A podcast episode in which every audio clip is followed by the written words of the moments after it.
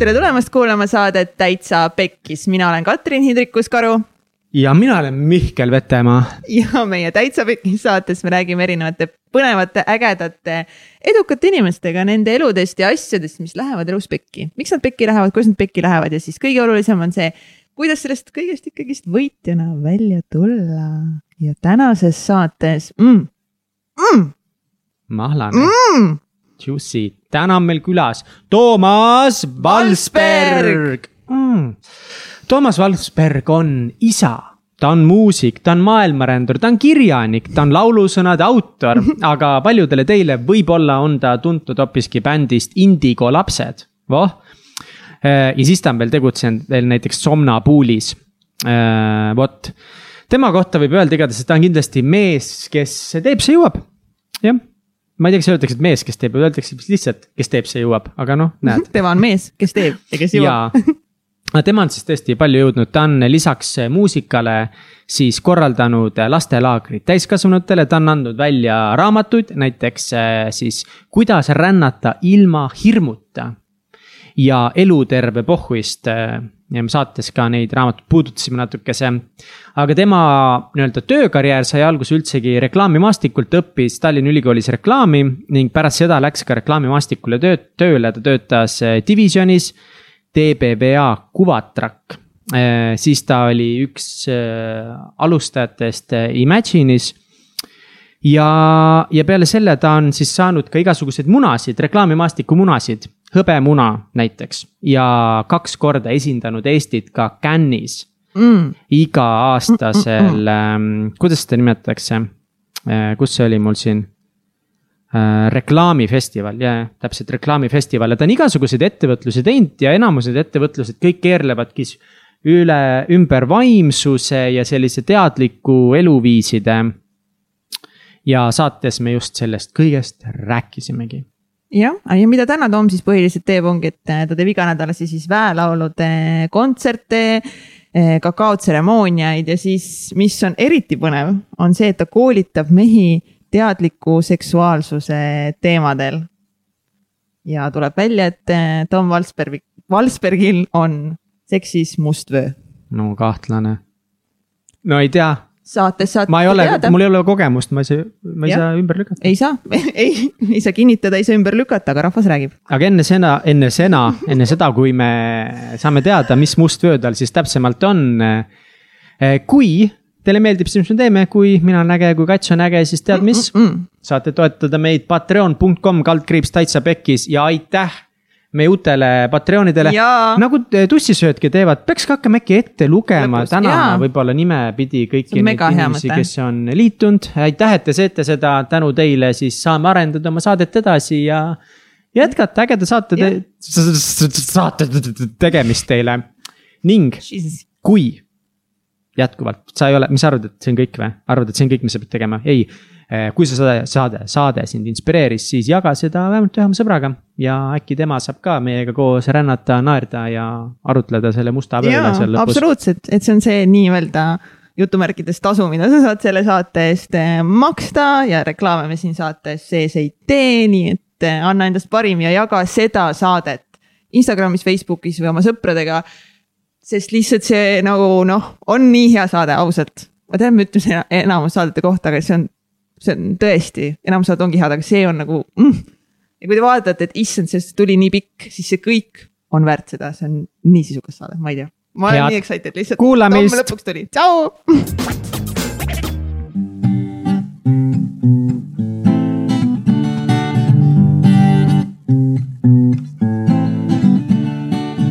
vaata mulle altpoolt üles ja sa puhkadki Jumala süles. vaata mulle ülevalt alla ja minu maailma sa pori sisse tallad. vaata mind kui mingit väikest tolmu lesta ja see allergia võib igavesti kesta, kuid vaata mulle otse silma. kas märkad peegelduses endas laiuvat maailma? igaühe sees naeratab Jumal, seda mitte märgata, küll oleks rumal. igaühe sees naeratab Jumal, seda mitte märgata, küll oleks rumal. igaühe sees naeratab Jumal, seda mitte märgata, küll oleks rumal. kuid kas Jumal saab siis olla rumal?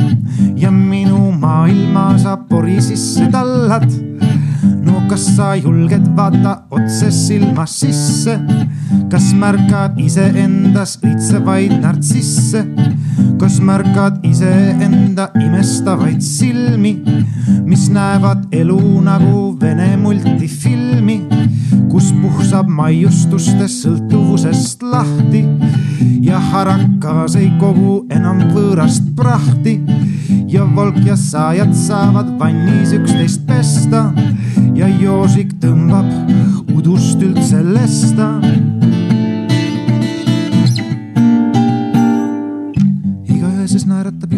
Seda mitte märgata, küll oleks rumal. igaühe sees naeratab Jumal, seda mitte märgata, küll oleks rumal. igaühe sees naeratab Jumal, seda mitte märgata, küll oleks rumal, kuid kas Jumal saab siis olla rumal? ei, see kõik juba salvestab, nii et üldse ära muretse, meil kõik juba käib.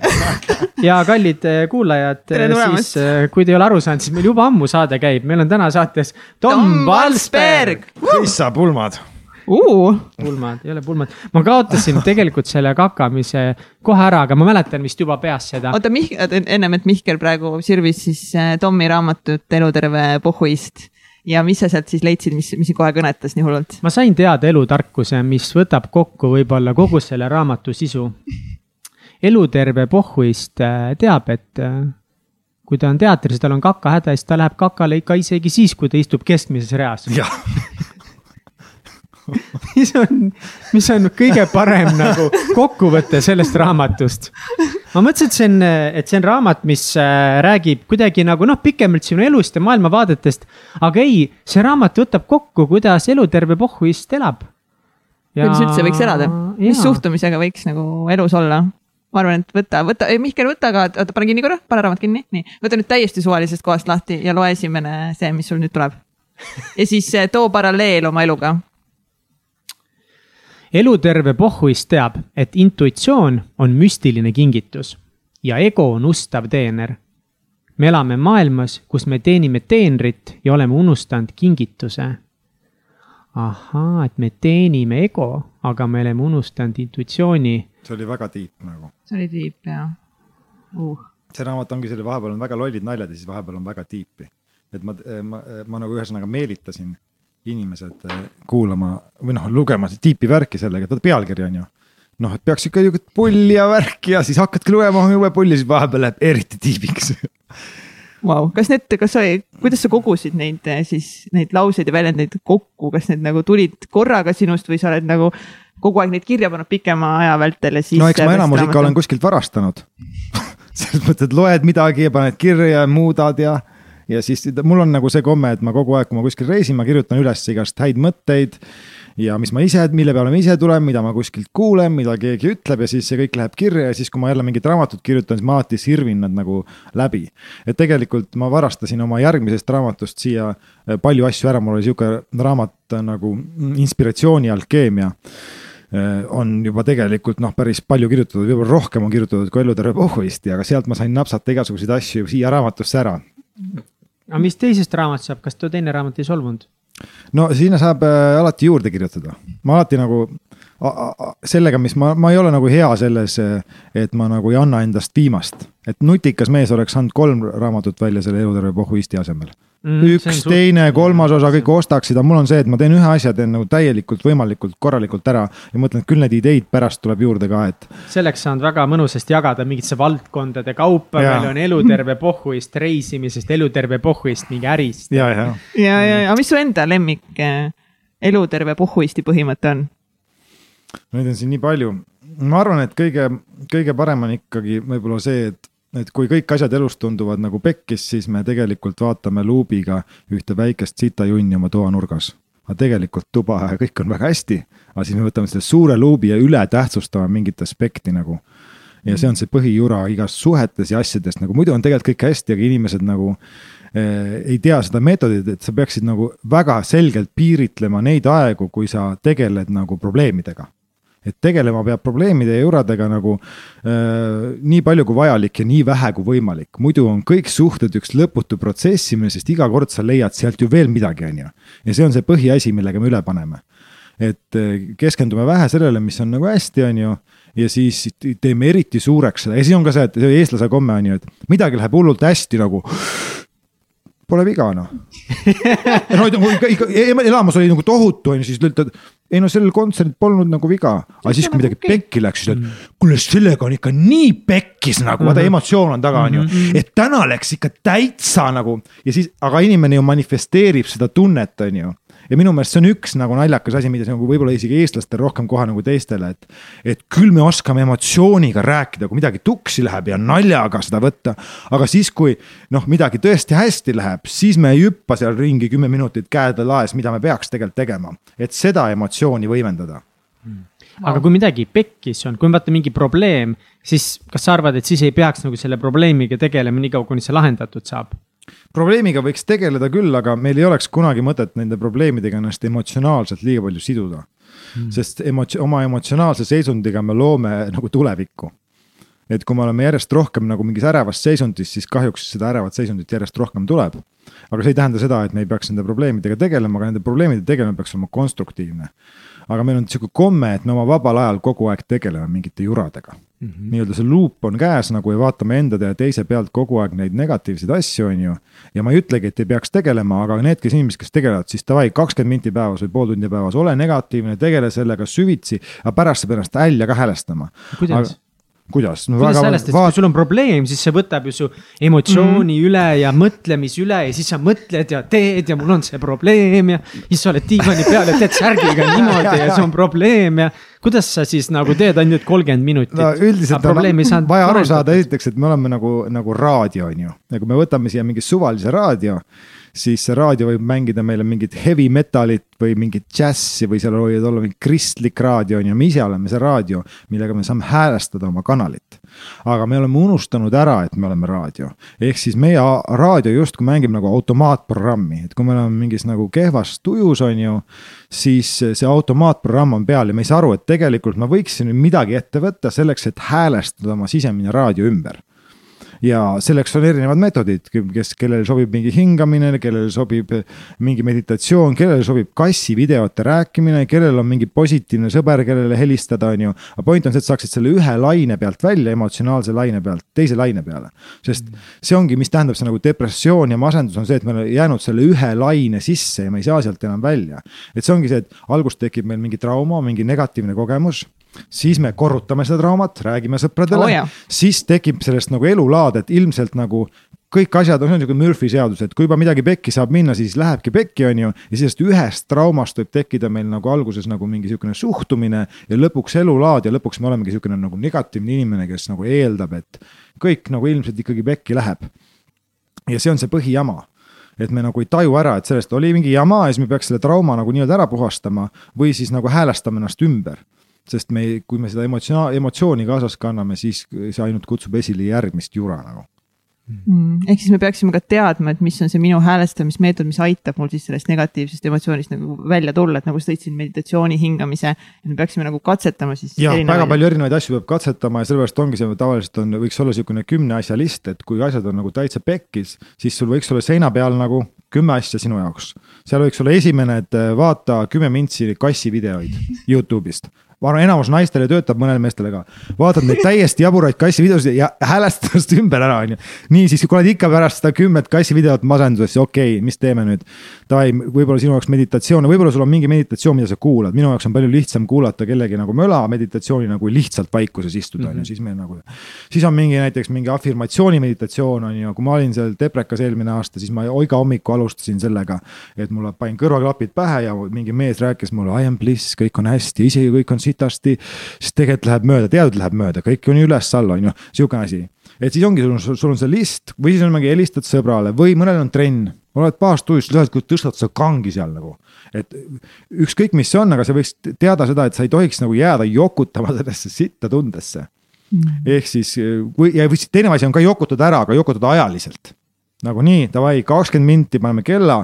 Kuradi, tunnen ennast sitasti nüüd käin mööda tuba ringi, saadan kõiki pikalt üksi seal ja kõik, see on ka okei okay,, no vot see on, aga jällegi met, metodoloogiline, aga mitte nii, et sa nüüd kõnnid toast välja, ikka seesama lint käib ja siis lähed tööle või näed mingit inimest ja ikka see käib. et enne seda, kui sa selle lõpetad, sa peaksid ennast ümber häälestama jah, ja siia no. tegelikult see raamat Eluterve pohhuist annab ka päris palju nagu meetodeid selleks mida siis teha, aga igalühel on omad asjad ja, ja neid tuleb aeg-ajalt ka muuta, mõni asi nagu ei tööta päris pikalt, kassi videoid võid vaadata võib-olla paar kuud, aga mingi hetk enam ei tööta, siis pead äkki koera videod võtma mm. kassi videod on see oht see, et sa hakkad vaatama neid ja siis on kolm tundi möödas see on Youtube'i oht üldse. see on Youtube'i oht ja, ja., aga mul on nii hea meel, et me täna alustasime seda saadet esmakordselt eh, sellise muusikalise etteastega. Mis selle loo nimi oli? mis selle loo nimi oli? kas igaühe sees naeratab Jumal vist? igaühe sees naeratab Jumal. Tomil on siin ees äh, selline, kas see on väelaulude? see on minu paks lauluraamat, siin on sada viisteist laulu. kus ma siis raamat. kõik akordid ja oma laulud ja väelaulud ja kõik olen kirja pannud, et ma annan selle sõpradele varsti ka välja nagu noh, et nad saavad seda mul kätte, aga see on praegu ainueksemplar väga kihvt mm., ma olen ise, ise ka käinud no, sinu väelaulude kontserdil ja, ja mul on autos ka sinu see plaat mis, mis sa kinkisid, mis oli selle su raamatu Kuidas elada hirmu, hirmutu seal vahel on ju mm. -hmm. ja, ja vahe ongi nagu, nagu halb töö siis või kuidagi päev on olnud nagu mitte kõige parem ja siis, kui panna see plaat autos käima, tihti Egerti käest paneme käima, siis seal on nii kihvtid laul, mis sa teate, mis, kus, mis see laul oli, mis, et see viska televiisor aknast välja. või ma viskan su televiisori välja su köögiaknast. jaa, nagu seal on need, see sõnum, need on lihtsalt nagu sa ei saa olla lihtsalt nagu purperasta, kui sa Tom Valsbergi neid plaate kuulad, nii et ma soovitan kõigile, aga see tegelikult ju ei oska laulda no jõuame nüüd selleni. no kuulsid seda laulu et mis värk nagu sellega on, et ma olen nagu kuulnud, et. no selles mõttes ma olen nagu legendaarne, et, et ma olen teinud nagu asju nagu täpselt, et ma tegin edukat bändi Eestis, Indigo lapsed, sellel hetkel, kui Indigo lapsed oli kuulus Eestis ja kõik inimesed teadsid, siis ma ikkagi laulda ei osanud ja mis see tähendab? no see tähendab seda, et ma nagu pidasin nagu piisavalt nagu viisi, et nagu oma asi ära joriseda, ilmselt mul oli väga palju karismat, on ju, et kontsertidel seda, sest see tegelikult individuaalselt ei kuulanud mitte muusika ilu pärast ainult, vaid sellepärast, kuidas mina mm. neid kontserte üleval pidasin. ja see pakkus täiesti erakordse elamuse, sellepärast et ma rääkisin oma lugusid. ma seal tögasin Joosepit, kogu aeg oli mingi sihukene nagu täiesti teistsugune olukord, see ei olnud lihtsalt nagu nende lugude nagu mahamängimine aga tõepoolest sellel ajal nagu noh, ei saa öelda, et ma üldse laulda ei osanud, aga ma ei, teatud hetkedel ikkagi viisi pidanud ja panin kogu aeg kalasid. aga kuna siis äh, nagu äh,, kuna üldvibe on nii hea, siis üldjuhul, kui ma panen mingi kala ja lähen kohe edasi, siis viie sekundi pärast on kõik selle ära unustanud on ju. ja ega mul oligi see, et ma, ega mul nagu otseselt ei olnud vaja laulda, ma laulsin nagu enda, enda ette kogu aeg. ja, ja siis, kuna teistele meeldis, mul oli, aga teile meeldib, aga ma ütlesin, laulan on ju, siis vaatasin, et näe, meeldib ikka üldiselt, mis siis laulda ei oska, ikka laulan edasi.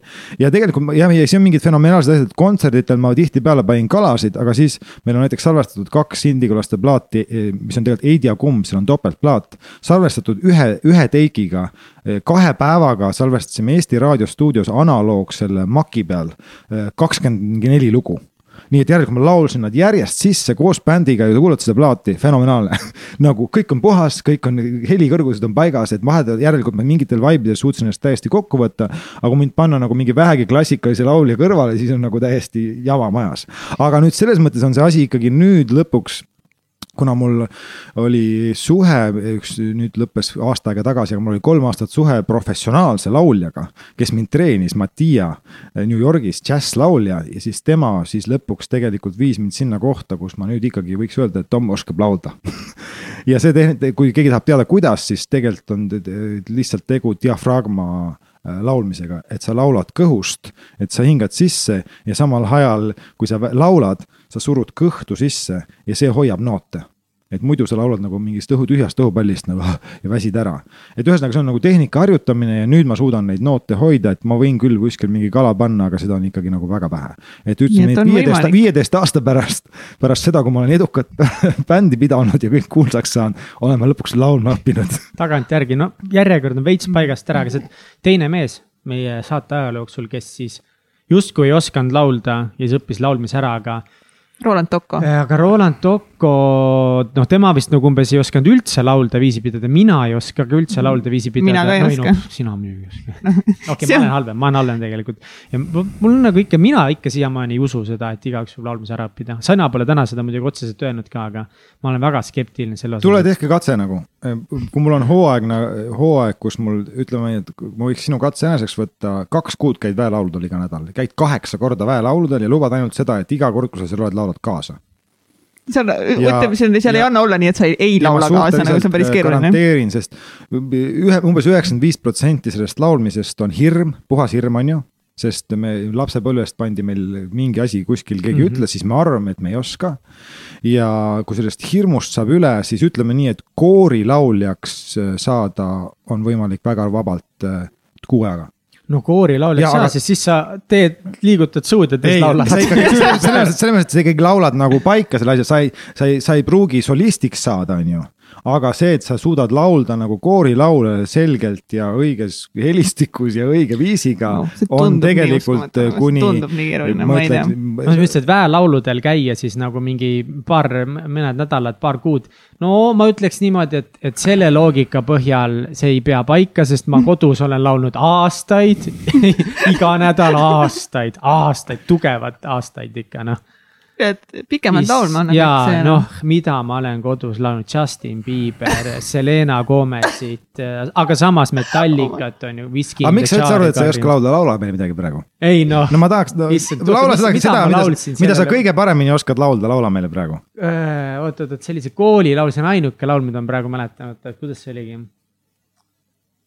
meil koolist läinud aastaid pea saabub seegi päev, mil lapse kõlval kooli, kui lapsevanem lähen uh!. on õpetajad hallid ja pragunenud laed. kõik kuidagi nii kallis, kui kõike seda näen no. Uh, sa oled, sa, sa oled väga pluus. juba, juba teine. ütleme nii, et kui ma kuulen su häält, siis sa oled lihtsalt, sul on lihtsalt eksiarusaam iseenda laulmisest sest eh, see sama, mida sa laulsid, oli kõik paigas, siia oleks vaja ainult jõudu taha ja selle jõu mina isiklikult saaksin sulle taha kahe privaattunniga. et sa laulaksid sama asja, ainult nii, et nagu, mis, mis seal oli ah,, ma ei oska sedasama laulu vist, see on see Jurbide laul. ja, ja, ja see ma, see oli meie koolilaul. et ma arvan okay., et praegu on lihtsalt eksiarvamusega, et sa ise arvad, et sa ei oska laulda, aga tegelikult sa lihtsalt oskad. ja loomulikult vahetevahel sa võid võtta mingi sihukese laulu, mis tõesti ei tule välja Mm -hmm. kui sa võtad mingi poplaulu, sest poplaulud on tihtipeale väga nagu, nad ei ole koorilaulud, nad ei ole siuksed nagu lihtsad laulud nagu väelaulud mm. -hmm. et kui sa sealt proovid midagi kaasa kraaksuda, siis ükskõik, kes prooviks, ei pruugi esimest korda välja tulla. aga mm -hmm. ma arvan jah, et see on eksiarusaam ja me võime selle müüdi purustada, kui sa soovid aasta kaks tuhat kakskümmend üks kool. mina ja Mihkel õpime laulma ja siis teeme täitsa pekkis. kas kakskümmend või kakskümmend üks? kakskümmend üks, nagu selles mõttes kakskümmend on kohe läbi. nojah, nagu... ma olingi imestanud, sa kakskümmend ütlesid. kakskümmend üks ütles, ei olnud või? okei okay,, vabandust, ma mõtlesin aasta kaks tuhat kakskümmend üks. olen ka kurt samal ajal Te olete ilmselt kuulnud seda kahekümne tunni teooriat, on ju? Et ei. üks tüüp kirjutas raamatu. ma kümne tuhande tunni. ja vaat see on see, üks on see kümne tuhande tunni teooria, kus räägitakse, et selleks, et meistriks saada, sa pead ja. mingi, ma ei tea, mis, kuni kümme mm -hmm. aastat läheb aega mm. -hmm. aga kahekümne tunni teooria on see, et kui sa õpid nagu kakskümmend tundi mingit täiesti asja, mida sa üldse ei oska nagu nullist, kas näiteks võtad viiuli või saksofoni või hiina keele või midagi, on ju. siis sa kahekümne tunniga statistiliselt teed seda paremini kui kaheksakümmend protsenti inimkonnast. kui keegi õpetab sulle seda kakskümmend tundi täpselt selles piiris, kus suudad vastu võtta, ehk siis tõenäoliselt tunni aja kaupa et äh, Jaa, kas laulmist seda. või mm. mingit pilli või mingit asja ja sellel hetkel, kui kindlasti peale seda kahtekümmet tundi sa valdad seda pilli nii kaua mitte professionaalselt, aga nii, et sa võiksid nagu paar laulu esitada, äh, väga okeilt laulda või isegi nagu, kui see on nagu mingi keel, siis sa oskaksid nagu enam-vähem suhelda mingi tead turul ja vähemalt nendele, kes üldse midagi ei oska, silmad ette teha nagu mm. -hmm. Et... seal oli see reegel minu arust, et see peab olema suhteliselt lühikese aja jooksul.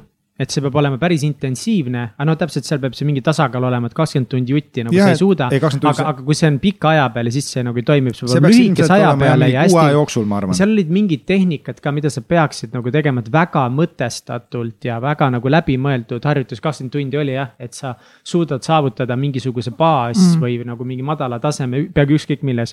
mis on huvitav mõte nagu, mida sa elus õppida oled tahtnud, ükskõik mida. sa pead kakskümmend sihitud tundi sisse, sa võid ükskõik mida. Ja see ei ole mitte mingi madal tase, mis sa saavutad, see on täiesti tase, kus sa põhimõtteliselt ikkagi oskad seda asja. mm. kui sa näiteks No. võtad kitarri kahekümne tunniga või mingi mandol- ja lihtsama pilli, okei okay,, kui sa võtad mingi viiuli, no ilmselt sa oskad kahekümne tunni pärast juba mingi loo esitada, tead, kodus jõululaupäeval on ju. aga kui sa võtad lihtsama asja, trummi, mingi kitarri või mingi balalaika, siis se- sellega sa esitad ikka kindlalt rahulikult loo ära. oh,. ma tahan täiega väelauludel tulla, ma olen nii palju kuulnud sellest. jah, see on mega, mega vinge kõigile, kõigil soovitan et seda väelauludel. tekib see ka lihtsalt seal tekib see mm, ka kamba efekt Jah. ja kui ka- kui kambas koos teha mingeid teatud asju, siis eh, tegelikult on vaata asi on selles nii-öelda transmission'is, ma ei tea, kuidas see eesti keeles on, et kui sa õpid kellegi nagu meistriga koos mm., siis muidu sa võid õppida nagu hästi kaua, aga kui sa istud minuga ja õpid näiteks kitarri, siis sa võtad energeetiliselt üle mingi minu vibe'i ja noh, mingis mõttes kehastud energeetiliselt minuks ja sa saad nagu mingid oskused mitte otseselt õppimata, vaid minuga koos viibides. ja selles mõttes näiteks just see väelaulude saal või see hoiab seda, et sa võtad sealt selle, selle suhtumise üle ja praegu ma tean selgelt, et sinu probleem on rohkem mitte laulu hääles, vaid suhtumises ja selles arvamuses, kuidas sa ise laulad. võib küll olla, aga ma arvan, et see on paljude asjade elus nii. Aga väga põnev. meil on täna nii palju lahet teemast, mis me tahame sinuga katta, aga, aga mina mõtlen seda, et ma Nii. tahaks natukese läbi sinu sõnade kuulda, kes sa oled täna? kes sa oled ja mida sa teed? millega ma tegelen, ma võtan siin nüüd nagu asjad, millega ma tegelen. jah, lao kõik Ja- letti ja- ei, no- ei, tegelikult ma, ma, ma nagu ei taha, et sa laod ükshaaval lihtsalt kõik ette, ma tahan öelda, kes sa oled? kes on Toomas Valsberg? no ma olen taevane vägi maises kehas mis see tähendab? see tähendab seda, et tõenäoliselt on tegu ikkagi mingi hingega, kes kasutab seda keha siin praegu mingil ajaperioodil mi- mingiteks teatuteks naudinguteks ja tegevusteks ja arenguks. et see on niisugune üleüldine vaatenurk asjale. miks sa, mina arvan, et sa oled erinev kui paljud inimesed, keda ma igapäevaselt näiteks kontoris või bussis või parklas näen. Miks sa arvad või mille poolest sa oled erinev? ma räägin teile saladuse. ma olen teinud teistmoodi valikuid oma elus. Vau, vau, seda ei oleks oodanud kusjuures nagu sellist vastust mm. -mm. vot ja see, see on väga hea koht, see on väga hea segway, sa oled teinud tõesti teistmoodi valikuid mm, -hmm. aga kui vaadata sinu CV-d ja lugeda sinu nii-öelda elulugu, siis sinu elu algus ja sinu eh, töö, karjääri algus näeb välja suhteliselt selline, nagu raamatus kirjas on, et eh, karjäär ja mingisugune, mingi päris asi ja sa oled reklaamivaldkonnast pärit, mis on väga huvitav ja sa väga oled teinud sa oled töötanud väga heades reklaamiagentuurides, Divisionis ja mis see teine oli äh,? Kuvatrakis olen töötanud ja, jah, ja siis meil oli oma agentuur Imagine. jah, Imagine täpselt, mis. Selles mõttes, et mina olin ka Ma- Imagine'i a- asutaja liige mm,. ja, ja siis, aga siis ma kaks aastat pärast seda, kui Imagine oli, siis ma sõitsin sinna Hispaaniasse. ja siis ma olin metsas ja siis mul hakkas kummitama see lugu, kui me ükskord seal vaidlesime, et kas see seep peab olema natukene roosakas või natukene oranž ja tohutud diskussioonid olid selle üle. ja siis ma sain aru, et kogu maailm on täiesti savi sellest. Mis värvi see seep on ja siis ma sain aru, et kogu ma maailm. korra, korra no. veel mainin vahele, enne kui me lähmegi täiesti ära Jah. sellest ja sa juba viisid meid sinna, kuhu me tahame minna, aga lihtsalt ma tahan mainida, et sa oled noppinud Kuldmuna peaauhindu esimest korda või esimeses võitsid seitsmeteist või kaheksateist. see oli hõbemuna, mis ma See ka oli hõbemuna, ma ei tea, kas ma tegelikult, kas ma üldse kuldmuna olen võitnud, ma olen mune seal Hõbe. siin-seal võitnud, aga, aga ma olen noorte Mune on- konkurssi võitnud kaks korda, ehk siis ma ma- olen seal ka Cannes- Cannes'is käinud kaks korda Eestit ma esindamas. kirjutasin ümber, nüüd on hõbemuna siin, nüüd enam ei ole. Ma tegelikult ei tea. ja Cannes'is kaks Ja- korda käinud ja- Eestit esindamas. ja no reklaami asjades Mhm. asjades noh, see on päris hea algus äh, ühele noorele mehele tema karjääri, karjääriks, et tõugata sind, visata sind, tulistada sind reklaamiturundusmaastikule väga heale karjääriteel, et. et mis siis nagu muutus, miks sa hüppasid selle justkui väga healt teelt maha? jah, et see oligi sama lugu, kus ma siin vahepeal rääkisin mm, -hmm. et, et äh, ma sõitsin peale seda baari saate tegemist oh jah, see on üldse nagu, kui ma lugesin seda, mul pole õrna aimugi, et Tom Valsberg on seotud eh, sellise legendaarse Eesti saatega nagu Baar. ma olin lihtsalt nagu mingi päriselt või? ma pakkusin sellele kunagi sellele Ruudule sõbraga, Ruut on see firma on ju, oli pakkusin eh, erinevaid saateid, meil olid igast ideid ägedaid, on ju. ja kui tänu sellele, et me suhtlesime ja müüsime neile isegi mingid paar saateideed maha, et mis võiks tulevikus tulla, millised sürrid ideed olid. siis mingi hetk nad võtsid ühendust minuga, et vaata, sihukene asi tuleb, et see oli vist tollel ajal teine, esimene suur, esimene oli Farm vist ja siis teine oli see baar, et uus asi on ju, et me vajame sinna justkui nagu stsenaristi on ju. et nagu tõsielu asi, seal oli veel see Jaanus Nõgist oli nagu justkui loovjuht, me kahekesi olime nagu põhiliselt nagu sahkerdasime seal. Ja siis oligi nagu kolm, ilmselt kolm kuud kõige intensiivsemat mu nagu töö, elu tööperioodi on ju, sest mina istusin seal ja pidin panema lugusid kokku homseks, et täna näidati saadet, mis toimus seal baaris, on ju. aga mina pidin siis homsed lõigud välja mõtlema, mis teemadele me keskendume. ja siis kogu aeg oli see värk, et arvati, et kõik on lavastatud. noh, et kaklus ja keegi mm. armumine yeah, ja yeah., aga kujuta ette, et tegelikult oligi niimoodi, et me valisime hästi spetsiifiliselt karaktereid, et vaataks, et potentsiaalselt võiks need asjad kõik juhtuda. ja mitte midagi me forsseerida seal ei saanud. ainuke asi oli, siis ma mäletan, ma selle kuradi Kaupo Karelsoniga vaidlesin, et tema sokutas sinna kuskile ühe mingi rasedustesti positiivse. et keegi nagu, ma ütlesin, et kurat ei pane seda testi sinna, nad saavad aru ja siis on kõik selge, et me kuradi fake ime ja see oli ainuke asi, mis läks. ja ta toppis selle testi sinna, siis tuli nagu tead, et keegi luges, et keegi leidis mingi testi, et nagu keegi oleks rasedaks jäänud ja. selle ma mäletan, see oli ainuke asi, mis justkui nagu oli lavastatud, see surus selle peale, on ju, ja mina olin mingi. ärme pane seda ja sellega tuli see, et lõpuks, et nii ilmselt te lavastasite selle kakluse ja selle mhm. armumise ja selle, selle, aga see oli ju fenomenaalne, ma käisin reaalselt trammis ideid saamas, kujutad ette või? sellest räägiti nii palju et kui ma läksin ühistransporti ja ma kõndisin seal ringi, see oli nii suur haip, see baarisaade, et ma kuulsin kahtlemata, et keegi rääkis sellest. Ja, ja tänu sellele ma vahepeal sõitsin trammiga, et ennast tuulutades, ma istusin kogu aeg seal kontoris, et saada nagu uusi ideid, millele keskenduda või mis võiks juhtuda.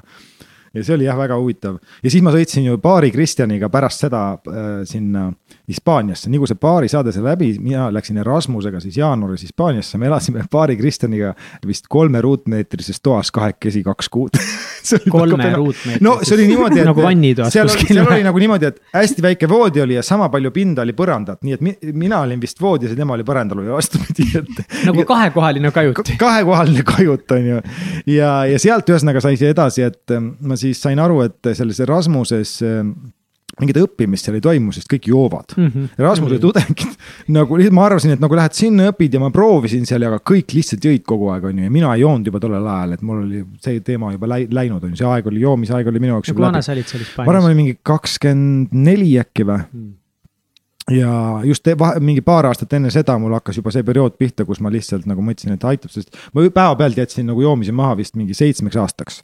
noh, selles mõttes nagu pea täitsa nagu nulli peal, et kes teab, võib-olla mul oli mingi hetk, et ma Viljandi folgi ajal jõin ühe pitsi jäägermeistrit alati suvel, on ju, aga mul oli ikkagi nagu täitsa mingi seitse aastat täitsa nagu seda, ma läksin kuidagi täitsa puhtaks ja kusjuures ei olnud mingeid muid asju ka kasutada. hakkas kanepit tõmbama raisk, on ju, midagi ei teinud yeah.. et see mingi, mingi periood ei teinud üldse nagu midagi, aga ühesõnaga ma olin seal Barcelonas ja siis ma sain aru, et kõik joovad ja siis ma sain aru, et mul ainult kolm ainet teha ja ma läksin oma dekaani juurde, ütlesin, ma pean nüüd ära, ära Eestisse sõitma, et mul on vaja need ained ruttu nüüd ära teha. ja ma suutsin mingi kahe nädalaga need ained ära teha ja siis mul jäi nagu see Rasmuse raha alles, mis see stipendium oli. ja mul oli kaks kuud vaba aega ja siis ma sõitsin mööda Hispaaniat reisima selle raha eest, selles mõttes mingi juu, on ju. ja siis ma jõudsingi sinna metsa, kus toimus mu elu sihukene pöördepunkt et äh, sattusin Beneficio kogukonda, mis tähendab seda, et esiteks oli mingi, mingi Soome kutt tuli mulle vastu Granadas äh, ja tead, vahel on siukene tead hetk, et kohtud kellegagi, tunned ära mingi, mingi värk on nagu tead siukene eepiline hetk ja ainuke asi, mis ta mulle ütles, et sa peaksid minema sinna, kirjutas mulle mingi paberi peale, sinna, sõida sinna linna ja küsi sealt, et seal on sihuke kogukond Beneficio, mine sinna. ja see, kuna see tunne tema poolt oli nagu nii nagu tead, külmavedinaid jooksid, ma kahe päeva pärast olin seal. ja ma sattusin siis elama nagu metsa kogukonda kus elas kolmsada inimest eh, nagu vabal maal. kõik olid ehitanud omale onnid, tipid, mingid värgid eh, ja igalühel oli oma lugu. mis asi on tipid? Tipi on see, tead, see püstkoda, indiaani püstkoda Aa, ja see oli nii-öelda vaba maa täis koskesid ja igal õhtul oli seal siis nagu suures telgis söömine, üks sada inimest koos sõid. ja ma elasin seal kokku nagu kuu aega ja ma arvan, et kuskil kahe nädala pealt, selle pealt tekkis mul see asi, et ma, ma kogesin, et paljud inimesed olid seal sihukese seisundiga, et ma jäängi siia. muidu olid ka teinud mingit tööd, läinud reisima korraks ja jäidki sinna.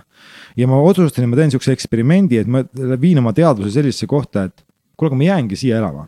Tööd ma tegema ei pea, sellepärast et süüa siin antakse, seal oli sihuke süsteem, et iga laupäev sai, osteti külaturult viiekümne euro eest ära need juurviljad ja puuviljad, mis järgmiseks nädalaks ei kõlvanud. mis tähendab seda, et viiekümne euro eest provide iti söök umbes saja viiekümnele inimesele terveks nädalaks ja see viiskümmend eurot tuli annetustest, nendest samadest tüüpidest, kes seal nagu elasid.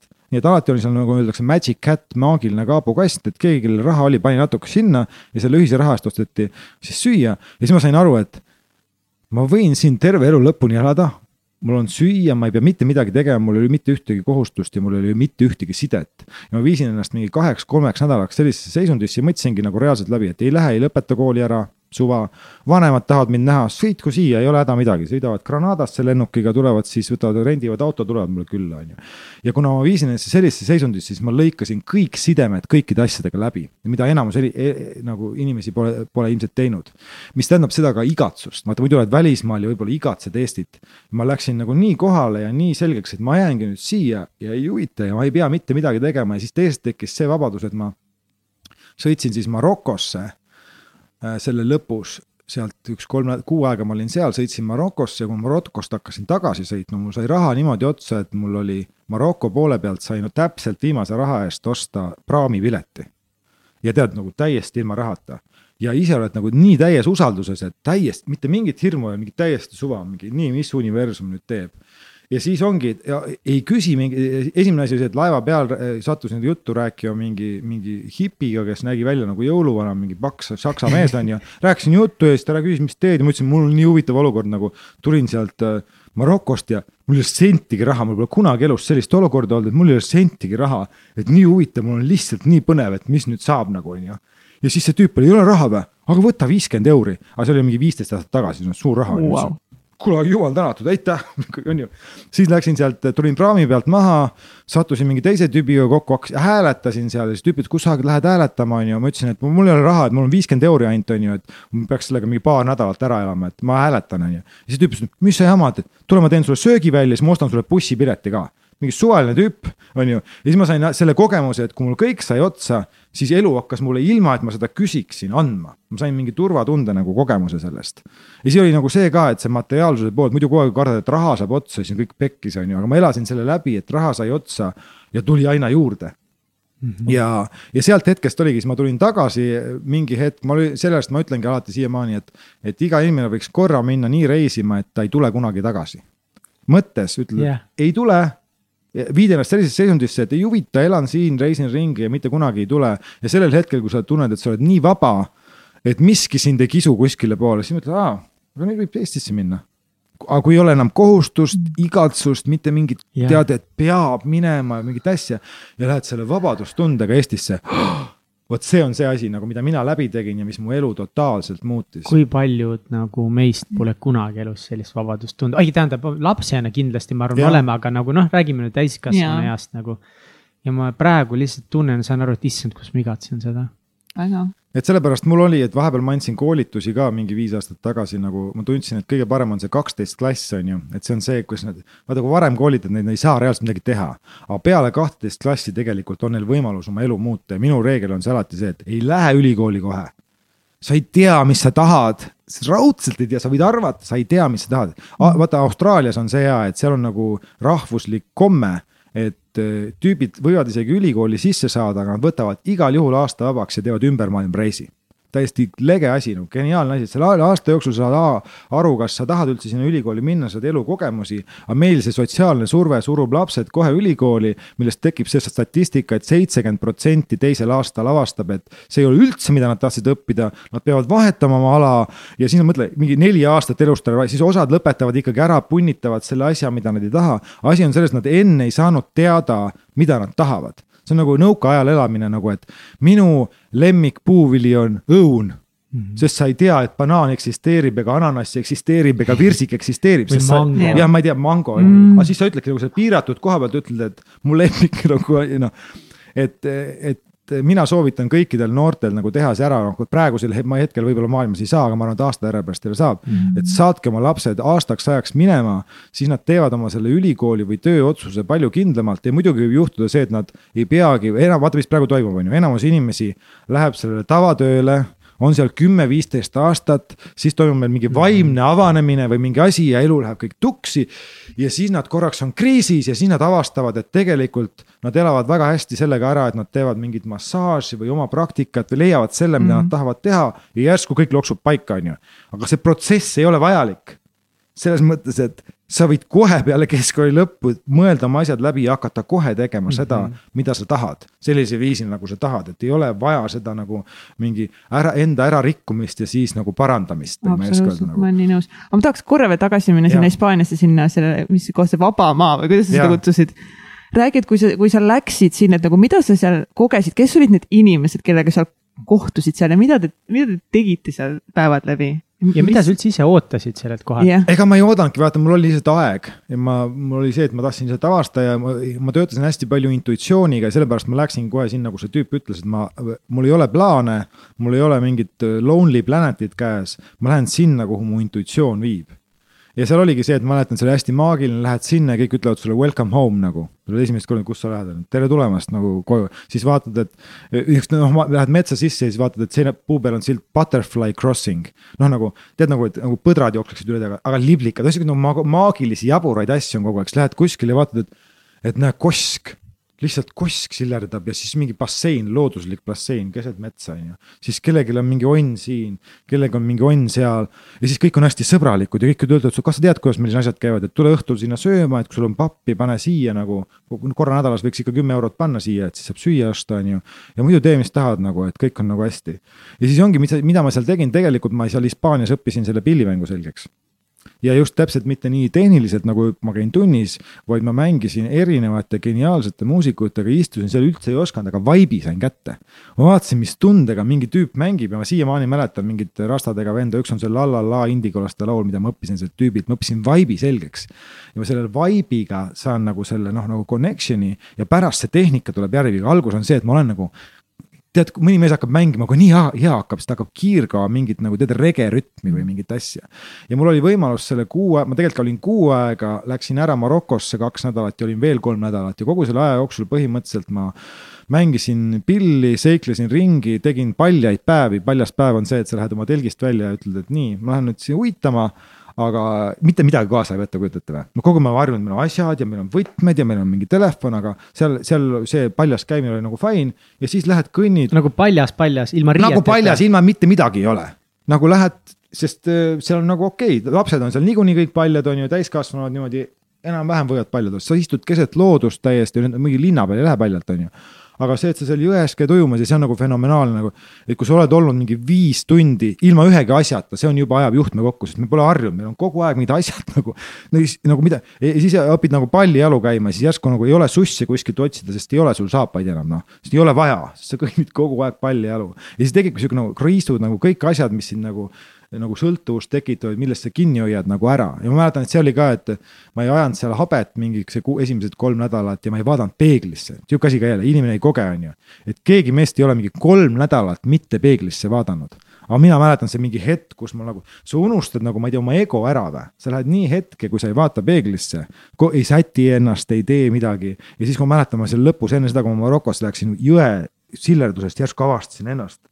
ja see oli mingi hull kohtumine nagu iseendaga jällegi vaata see tänu sellele, et sa teed midagi nagu võõrandad ennast millestki ja siis korraks võtad selle tagasi ja see on justkui mingi hull ime. et siuksed nagu lihtsad naturaalsed asjad. Ja siis ongi see, et käid, tolgendad seal ühest, seal on siuksed nagu paabad nii-öelda, paabadel on nii-öelda suuremad telgid ja sa tead, et alati võid sinna minna, noh, et nagu tema seal istub, on ju, teeb süüa, aga tema juurde saab alati minna istuda, rääkida juttu või pilli mängida või ta pakub mingit küpsist või ma ei tea midagi. Ja siis on nagu niimoodi, istutakse ja räägitakse, siis neid paabasid seal kolmesaja inimeste pihas, niisuguseid, kelle, kelle juurde võis minna oli mingi kaheksa kuni kaksteist tükki. kellel oli oma telk, oma vibe ja siis mõne juurde sobis nagu rohkem päeval minna, teise juurde sobis õhtul minna. ja siis sa käidki ja suhtled ja saad, või huviline ka, et kohtud nende inimestega, kes on radikaalselt oma elu muutnud et äh, kes on tulnud mingist, ma ei tea, pankuri kohast ja nüüd elavad seal paljatilliga metsas ja ütlevad mingi nii hea on ja ta võivad sama hästi sinna pankuriks tagasi minna, aga see korraks see periood, lasta kõigest lahti on nagu nii, nii oluline, et, et see selline elukogemus, mida kahe kuuga seal sain, on täiesti nagu fenomenaalne. mis sa nagu, võib-olla sa ei mõelnudki, aga kas sa mõtlesid sel hetkel, et või kas sa vahepeal mõtlesid, mida sa oma tulevikuga teed või eluga teed, et mis mõtted sul olid nagu siis selle Eesti osas ja enda tuleviku osas? ma sel hetkel lasin kõik, kogu tulevikust lahti et see oligi nagu mu plaan, et mitte mingit sidet ei ole ja mul oli juba siis see tunne, et tead, suur vaim teab paremini kui mina. noh, suunda, et mm, -hmm. et vahepeal ma võtsin tagasi selle, tegelikult mul oli tollel ajal, vaat see oli nüüd mingi viis, kakskümmend, viisteist, kakskümmend aastat tagasi oli see kõik see juhtus, on ju. siis ma elasin mõnda aega usalduses, siis vahepeal ma läksin rohkem nagu sinna manifestatsioonimaailma nagu sihukese motivatsioonimaailma, et tead, mina sean eesmärgi. siis ma nagu teen seda, siis ma jõuan sinna ja vahepeal ma elasin hästi sellist elu, tegin plaane, manifestatsioone, proovisin esile kutsuda ja see ka nagu mingis mõttes töötas ja siis nüüd peale seda viimast depre-, depreka aega. ma läksin jälle, kukkusin sinna teise kohta tagasi, et et mingi nagu vägi juhib mind väga palju paremini nagu minu enda intuitsioon tegelikult ja tihtipeale ma nagu tahan midagi, aga see pole üldse see, mida ma vajan, sest mu mõistus nagu arvab, et ma tahan ühte asja. aga kui ma lasen sellel voolata ja nii-öelda kuulan märke ja see ongi alati see usalduse nagu värk, et nagu sa justkui mingi tead nagu sihukene Tarzan nende liaani peal hüppad, et sa ei saa nagu seda enne, noh, sa pead nagu ühest nagu lased lahti, teise püüad kinni samal ajal, et sa oled kogu aeg nagu sihukese piiri, usalduse piiri peal ja mitte midagi kindlat ei ole, vaata inimene tahab ju kogu aeg luua omale kindlust mm. -hmm. et ja kindlus tuleb alati vabaduse arvelt. et see on nagu see, et kumba siis nagu, kumba sa teed nagu, see on see nagu see dopamiin ja oksüdotsiin on ju oksüdotsiin on sihuke turvaline, tore tunne, on ju, ja dopamiin on sihuke nagu, nagu kuradi äge ja elus. elus ja on ju. ja siis alati on üks, sa ei saa nagu, sa ei saa olla mingi turvaliselt, aga täiega elus ja sihukene mingi oh, seiklushimuline. alati nad on nagu ühel skaalal, et sa pead leidma selle koha, kuidas nende vahel nagu, nagu teha, sest mõlemad äärmused ei, ei ole nagu head, tegelikult eh, nii-öelda see, kui sul on see dopamiini laks, siis aeg-ajalt sa pead käima selles turvalisuses laadimas. noh, et oled kasvõi kodus, võid looda omale selle kodu kuskil, ükskõik kus kohas sa oled, et, et need laadimispunkte on hästi olulised, aga noh. üldjuhul on see, et need inimesed, kes elavad linnades ja käivad oma sipelgarada, need on vajunud sinna turvalisusesse. ja turvalisus on see mure, et ei muutu, areng peatub, on ju ja siis, kui sa oled seda dopamiini või nii-öelda seda seikluse asja, siis on areng hästi suur, aga sa võid sellega üle kerida mingis mm -hmm. mõttes, et ongi nagu äärmus, et. kogu aeg kõik nii muutub, et sul läheb nagu jalgealune nagu ära ja siis ei ole sul jälle põhja ja sul ei pruugi jälle sihti olla, sa võid ajada taga nagu ühte seiklust teise järgi. et kõik on ikkagi nagu tasakaalus lõppude lõpuks. miks sa Eestisse tagasi tulid? see oligi see tunne, et ma olin seal piisavalt kaua olnud ja mul ei olnud mingit põhjust ega vajadust enam Eestisse tagasi tulla ja ühel hetkel tekkis tunne, et aga nüüd ma võin minna, sest ma ei pea minema enam. absoluutselt ei pea, ma olin täiesti leppinud sellega, et ma jätan kooli pooleli, ma ei näe enam üldse kedagi, kui keegi mulle siia külla ei tule, ma ei näe. ja olin selle täiesti vabaduse ära tekitanud ja ma ei läinud nagu üldse mingist nagu ja ma elasin seal metsas, kus minu eest hoolitseti, mul ei olnud vaja raha mm. -hmm. tegelikult ka mul ei olnud üldse raha vaja, sest see söök oli iga õhtu seal laual, noh, on ju ja siis ma saingi nagu lugesin kokku, et mis ma olen täieliku nagu mingis vabaduse, vabaduse saavutanud ja ma läksin täiesti kergustundega, mitte et keegi nõuaks või isegi kohustusest kooli minna, on ju. ja tulin tagasi ja mäletan, siis oli ka see, et ma tulin, siis hakkas minu maagia pihta, ma olin, ma tulin sealt tagasi ja ma olin nii-öelda nagu noor valgustunud natukene noh. noh, nii palju, mitte algul ma ei olnud nagu mingi täitsa, aga mingis mõttes ma olin mind alguses kutsuti silmadega poisiks sellepärast, et ma olin esimene tüüp Eestis tollel ajal, mingi üheksakümmend, kes, kui sa, mul oli selgelt see, et ma ei viitsi kuradi möla ajada teiega, on ju sest kui me lihtsalt jutustame, see võtab mingi mitu nädalat aega, et teiega tuttavaks saada. aga kui ma, kui ma vaatan sulle reaalselt äh, mingi kümme mintsi silma niimoodi Mm -hmm. niikaua, et sul see piinlik ja veidrus läheb üle, siis tekib mingi connection ja me saame kohe alustada juttu sellest kohast, kus me tegelikult tahame rääkida, et kogu see chit-chat jääb ära. ja mina olin hästi nagu ma olin nagu nii kohal hetkes, et ma alati nagu passisin inimesi, et paljudel inimestel tekkis siuksed nagu hetked nagu, et nad kedagi polnud kunagi nagu jäänud niimoodi vaatama, aga mind jäid millegipärast, noh, et kuskil tänaval või mingi sõbraga said kokku ja on nihuke vaikuse hetk. ja lihtsalt silma vaatamine ja siis vahel võib sellega kaasneda no algus sihukene ärevus ja imelikkus, aga ma alati nagu mul oli kannatlikkust või nagu pohhuismi see ära oodata ja ma aitasin inimesed sellest protsessist läbi ja sellega ma ilmselt nagu tõin natuke maale nagu kallistamise ja siis selle silma vaatamise tollel ajal. Wow.. Ja, ja siis oligi esimene maagia hakkas siis pihta sellest, et ma täiesti usaldan elu, et kõik, kõik äh, toimib, on ju. tulen käed taskus sealt lennujaamast, on ju. ja e, kuu nädal aega enne ütles üks sõber mulle väga konkreetselt, et nii, meil on nüüd hästi odav korter Raekoja platsis. et et eh, ma nüüd sõidan minema, et mul on vaja, et sina tuleksid elama, see on mingi mõttetu summa, mingi täiesti nagu ma ei, praegu oleks umbes olnud nagu mingi sada viiskümmend eurot. meil on korter, väike korter Raekoja platsis saja viiekümne euroga, et eh, sa kindlasti tahad seda, et ma luban seda sulle, ma sõidan ise minema, et võti on seal, on ju. ja oligi nii, et ma tulin lennujaamast, ma teadsin, et mul on see korter, ma polnud seda kordagi näinud, aga ma teadsin, ma lähen kohe sinna elama. ja lennujaamast tulin maha ja siis sain mingi šveitslasega kokku ja šveitslane räägib, et kurat, kõik hostelid on täis book itud, on ju, et ma ei tea, kuhu ma elama lähen ja ma olen kohe mingi pff, aga mul on mingi korter, ma ei tea, kedagi seal ei ole, on ju, et tule sinna minu juurde nagu elama, on ju. Läksime sealt uksest sisse, vaatasin, oo lahe korter, vaatasin, seal on mingi privatuba, seal on mingi, mingi madrats. ja siis ma ütlesin, et kuule, sa oled mu külaline, et mine võta see privatuba nagu. andsin talle selle privatoa, on ju ja panin oma asjad sinna maha ja siis see tüüp tuleb mulle, ei, ikka nii ei saa, et, et ma ikka maksan sulle selle privatoa eest, on ju. ja siis ma ütlesin, ei no muidugi, ma võtan raha vastu, et palju sa siis maksad, ei no vaatame netist, palju privatoad maksavad siis vaatas ta netist järgi, palju privatoad maksavad ja minu meelest oli mul kolm nädalat seal privatoas. nagu selle tava privatoa hinnaga, ise nõudis, et ta saab seda maksta. ma vaatasin, et noh, raha tuleb, väga tore. ja siis hakkas tilkuma mul algus juurde neid sinna, kuna oli see hosteli kriis oli hotellid olid liiga kallid ja hostelid olid kõik täis, ei olnudki kohti, nii et seljakoti tüübid olid, tolgendasid tänaval ja umbes noh, praeguse seisuga mingi mõtleksid, et kus ma maksan sada euri öö eest või ei lähe mitte kuskile, aga enamus vennal ei olnud nagu seda sadat euri või mis tollel ajal, ma ei tea, mis see tähendas, on ju. ja siis ma võtsin kogu aeg neid tüüpe sinna alguses, et minge magage siin ja siis lõpuks hakkasid mulle raha andma ja siis ma ütlesin, okei okay, seda, kuna mul sissetulekut praegu ei ole, järelikult see on business, on ju. ja siis oligi, siis ma tegin, ma mõtlesin mingi reeglistiku, et palju see mingi tuba, mul olid seal madratsid, tõin narid sinna sisse, korter oli. kusjuures nüüd äh, legendaarne, pidasin kaks aastat hostelit, võtsin lõpuks partneri ka, dušši ei olnud Raekoja platsis oli korter, kus me pidasime illegaalset hostelit. ilma dušita, mul oli seina peal skeem, kuidas sai minna, see oli krooni aeg veel, kuidas sai minna Balti jaama turule ja seal lihaleti saalis teisel korrusel sai kahe krooni eest krooni eest tollel ajal, sai WC-sse, nii et mul oli seina peal silt. kutsungi inimest, ütlesin, meil on sihuke värk, väga lahti värk on, lahe on siin on ju, sihuke madrats on ju. siin on kuradi, saad süüa teha, on ju, dušši ei ole, vets on, on ju, tahad tuima näoga, tahad vetsu minna nagu siis näed, lähed siit-sinna on ju. kui sulle sobib, siis jääd, kui sulle ei sobi, ära. kõik enamus jäid ja mul oligi seal niimoodi, mul oli siukses nagu, no tuba oli natuke suurem kui see kontor siin on ju, aga mul oli seal vist mingi no ma ei tea, kaksteist inimest, kõik nagu vorstid reas magasid, on ju siis oli see privatuba ja kaks aastat me siis pidasime seda nagu hostelit ja teenisime mingi jälle, siis ma juba hakkasin reisimas käima, ma arvan, ma suvel sain täpselt nii palju seda raha sealt kokku. et ma talvel läksin reisima. Ja sellest siis lõpuks oli no name hostel oli see.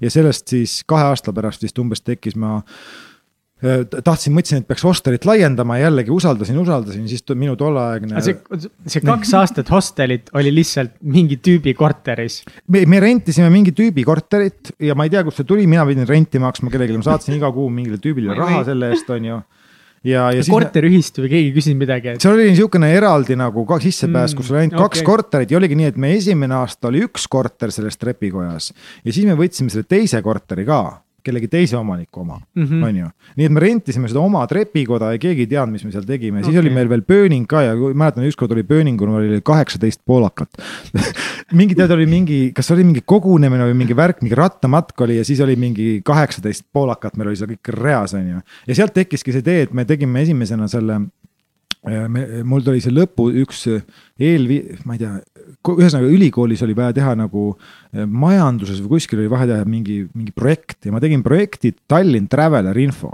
ja ma mõtlesin, et äh, nii palju oli neid siukseid seljakoti vendi, noh, see on mingi kolmkümmend protsenti oli tollel ajal nagu kõikidest tüübi ja kujuta ette, nad pidid käima seal tavalises nagu selles klaas, selles korralikus kontoris, kus mingi vana proua mm -hmm. soovitab neile midagi no mida see vana, kuule tahaks midagi lahedat, mingit, see vana, noh, vanaproua ei oska midagi soovitada, on ju. ja siis me panime sinna välja mm, sellest samast, sellest ametlikust kohast välja, panime telgi Tallinn Traveler info, kus sai alternatiivset infot, on ju, ja siis me tegime kaardi, kus me olime ise valinud välja nagu need, meil oli seal kolm kohvikut, kolm söögikohta, kolm hostelit, kolm seda, on ju.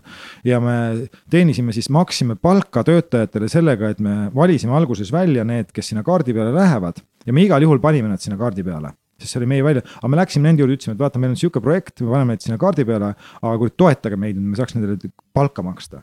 ja siis oligi see ja me hakkasime tegema ka esimesi alternatiivekskursioone ja alguses mõned olid isegi meie pahad, me näitasime kõiki koledaid asju no vaatame nagu retrot ja siukest muidu, muidu prooviti alati tollel ajal Eestist näidata seda kõige paremat poolt ja me yeah. läksime kohe kuradi Koplisse tagasi jalgratastega Kopli liinidele ja näitasime kõige nagu retsimaid kohti. ja siis sellest sai täielik nagu hitt noh, et meil oli isegi, et alguses olid ainult niisugused seljakoti vennad ja lõpuks tulid nendest tavalistest hotellidest need kõige nagu tead lipsuga vennad tulid ka meie ekskursioonidel, sest see oli see põhikogemus mm,. see on põnev tegelikult. ja meil olid erinevad trajektoorid ratastega, siis meil olid rattad, mida mitu korda ära meilt kõik varastati ja noh, me ostsime second hand'ist mingi kaksteist ratast ja siis mingi üks öösel varastati kõik nad ära ja mingi noh igasugust ja see oli ühe, ühe seiga veel räägin, et meil oli siis mm,. see, meil oli see telk on ju, kujuta ette -hmm. seal Niguliste kirjuku juures oli telk on ju ja seal telgi sees oli meil, ma ei tea, kas mingid asjad ja ööseks pidi see telk nagu jääma, et keegi võis sinna sisse murda ja siis me leidsime oli üks sihukene kohalik sihukene kodutu, aga sihukene suht korralik, natuke aega võttis napsu, on ju, üks, ta nimi oli Eero, Ermo, Ermo on ju ja ta oli nagu, ta oli nagu põhivend, vaata, et noh, Tallinnas on põhivennad yeah., on ju, ja ta oli tolleaegne üks põhivend, ta oli umbes minu ja minu, minu vanune on ju, ja siis me võtsime, me olime nagu siuksed ka, et tahame nagu inimestele head teha ja võtsime ta nagu oma kampa ja aitasime tal joomise maha jätta ja võtsime ta sinna tööle. siin on nüüd, tema on meie telgivalvur.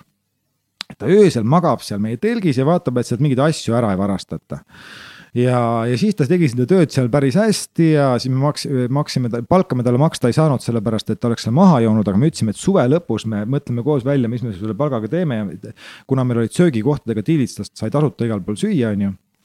Ja, ja siis kõige legendaarsem lugu oli see, et lõpuks siis meeldis, leidsime, mis talle meeldib, capoeira meeldis talle. Käis ka kaks korda nädalas, maksime talle kinni, käis capoeira trennis ja siis ostsime talle need capoeira rohelised püksid ja siis üks öösel ta siis magas seal telgis ja ta oli need capoeira püksid pannud omale padjaks alla ja kujutad ette, need varastati ära Need varastati talt kuidagiviisi pea alt ära ja nii palju, kui meie hommikul sinna läksime, tunned ära ka, ta ei olnud purjus. noh, et muidu oleks võib-olla ta tolgendanud ringi ja purjus. no ei olnud ja ta või no kuidas see üldse võimalik on, on ju, et keegi varastas ta pea alt need capoeira püksid ära, eelmine päev me nägime neid nende pükstega, on ju. ja siis selle Eeroga muidu teine lugu, see on nagu noh, sürlugu on ju ja siis oligi, et, et see Traveler Info ühel aastal siis tegi nagu lõpureisi nendele kõikidele töötajatele, sest meil olid tuurgiidid seal, meil olid hosteli töötajad, meil olid need, kes seal putkas töötasid ja me läksime mingi Saksamaale, siis oligi see, et, et nüüd er, Ermo, et sa saad ka nagu minna sinna noh, välismaale ja äkki saad reisida ja sa olid nagu piisavalt korras, ta ei olnud mitu kuud juba joonud ja. ja siis ta läks mu ühe selle sõbra Jonathaniga läks lõpus sealt Saksamaalt Hispaaniasse ja ta ikka veel ei joonud ja siis ta kuskil Hispaanias äh, järsku nagu kadus ära. Et kadus ära kuskilt ta kätte ei saanud, aga ta meie kontakte teadis, me olime telefoni andsime, siis me lasime tal pähe õppida meie numbrid ja emailid, et kui sul midagi vaja on, on ju, et siis võta ühendust, on ju. Ja siis ta kadus ära ja siis viie aasta pärast äh, kirjutatakse, viie, viie, viie aasta pärast kirjutatakse mulle Lissaboni saatkonnast, et tere, vabandage, et käis meil siin keegi Ermo, väidab, et, et teie olete talle raha võlgu. Ja et elab, elab mustlastega seal silla all kuskil, on ju. ja et, et vist tahaks nüüd Eestisse tulla, ma ütlesin, et jumal tänatud, ta räägib tõsijuttu, et me ütlesime, ma ei anna talle seda raha välja, sellepärast et ma jätsingi selle mingi kaks sotti, ma ei tea, mida enda kätte, et kui sa ükskord tahad välismaalt tagasi tulla, helistad mulle, ma ostan sulle pileti. Ja siis äh, oligi, orgunnisime, ta käis seal, ostsime selle pileti, lennuki peale ta ei jõudnud no lennuki peale ta ei jõudnud ja siis ma vist korra veel kuulsin, et ta ikkagi elab nende mustlastega seal silla all ja sinna ta jäigi. aga võib-olla ta siis ilmselt väga meeldib, noh. ma ei oska nagu rohkem midagi muud võtta teha ka, onju, ma ta sinna järgi ei sõida, onju. ja, ja sihukene nagu seiklus, vaata, kus inimeste nagu teed viivad, onju ja kõik võimalused on nagu vaata, et võta mhm. ühendust, tule tagasi ja ükskõik, mida tal vaja on mm, -hmm. aga näed. igalühel on nagu oma tee, on ju. Mhm. aga kuidas see hostel eufooria sai alguse? Kas sellest kasvaski siis välja Hostel Euphoria sinu sellest algus oli siis no name no, mis sa jood üldsegi? no ma joon puuerri teed. mis asi on puuerri tee? pakun sulle ka või? ja ma tahan puuerri teed. me kõik tahame seda teed. no näed, kus meil tass on? oota, Egert.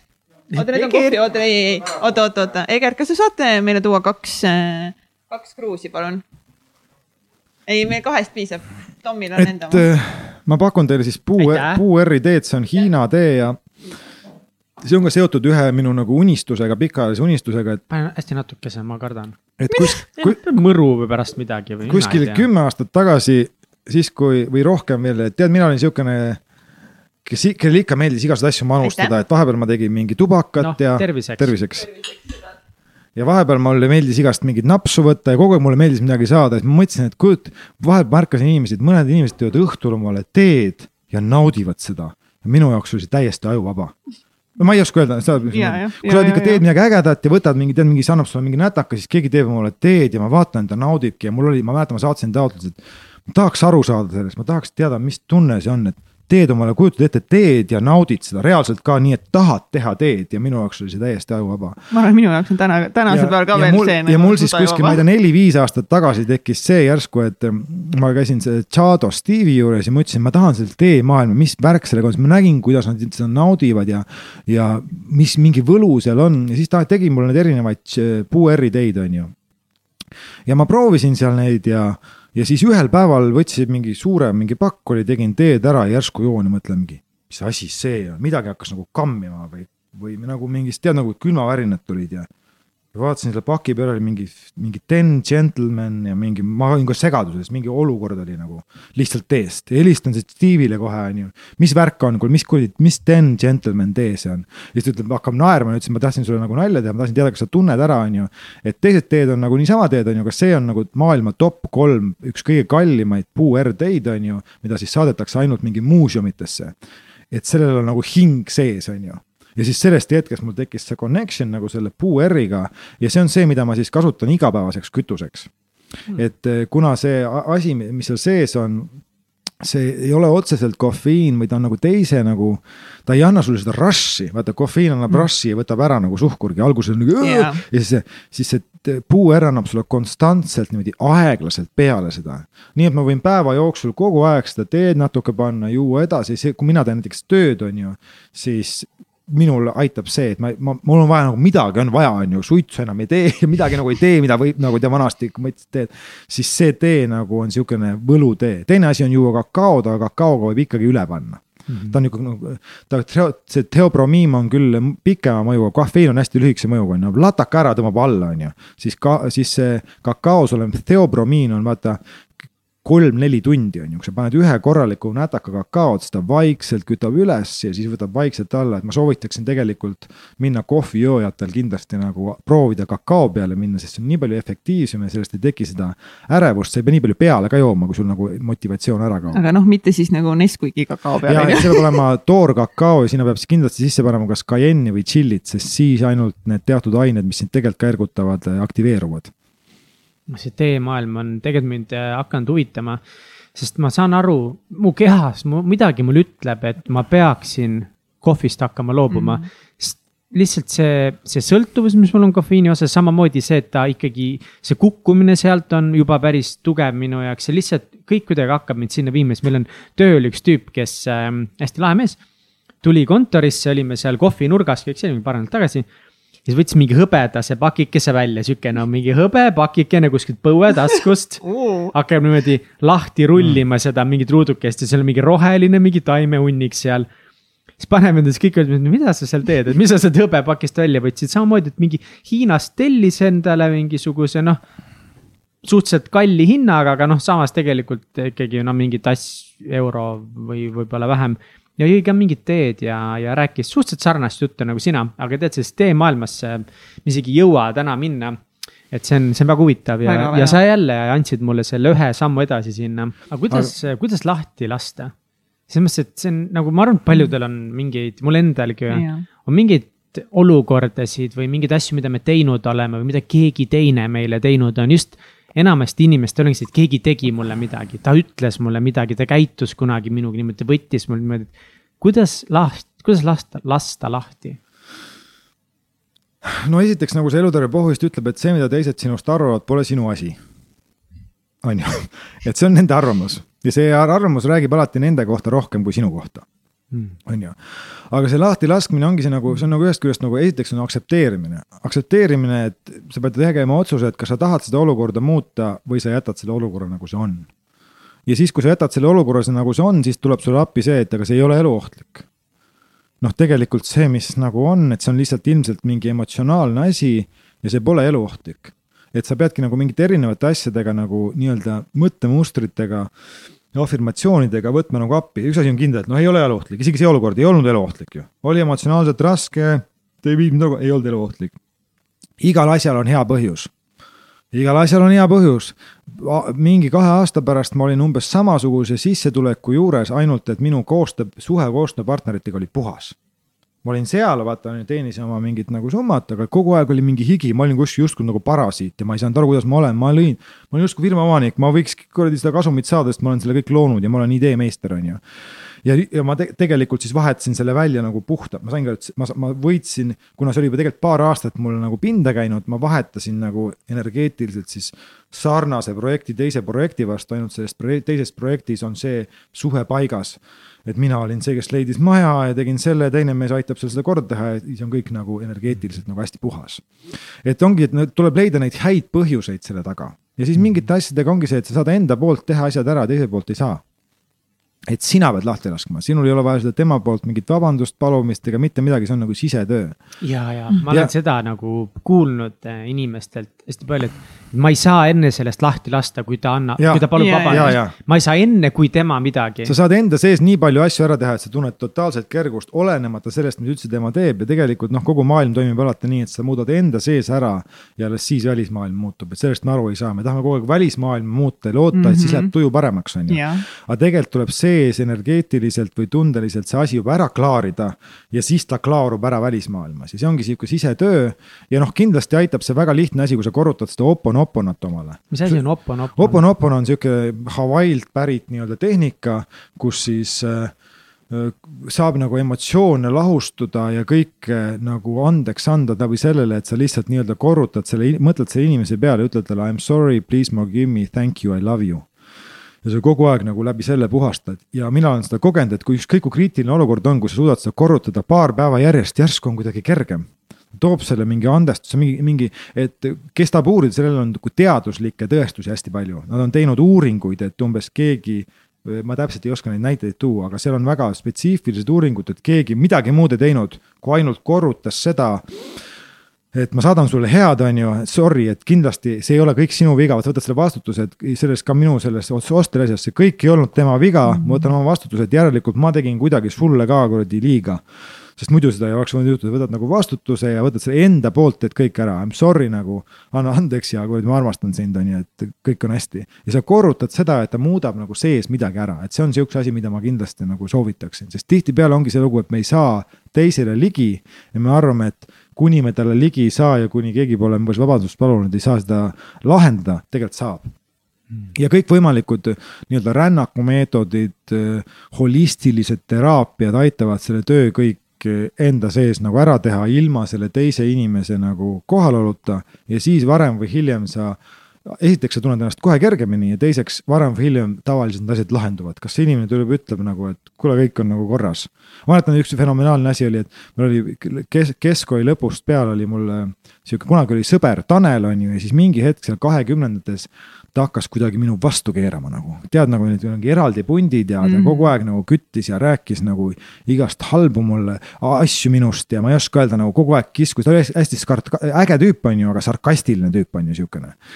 ja siis mingi hetk ma nagu nägin, et ta midagi teeb ja ma eraldasin ennast sellest ja üldse nagu ma, ma nagu mingi hetk alguses tajusin, et ta võib midagi sellist teha, aga mina elasin kogu aeg need, kogu selle aja teadmata üldse sellest, et ta midagi nagu mulle saadab paha energiat ja ükskord, ma ei tea, mingi viis aastat tagasi tuli tüüp helistab mulle, ütleb Tom, kuule.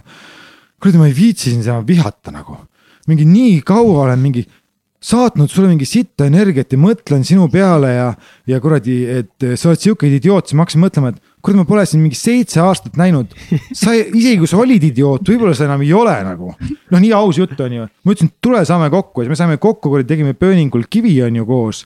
ja oligi kõik klaaritud, siis ütles, et kurat, sa oled tegelikult normaalne vend ja ma kuradi kandsin mingit keskkooliaegsest pilti nagu sellest ajast, kui sa mingi paar mingit nõmedat asja tegid või mingi konflikt oli.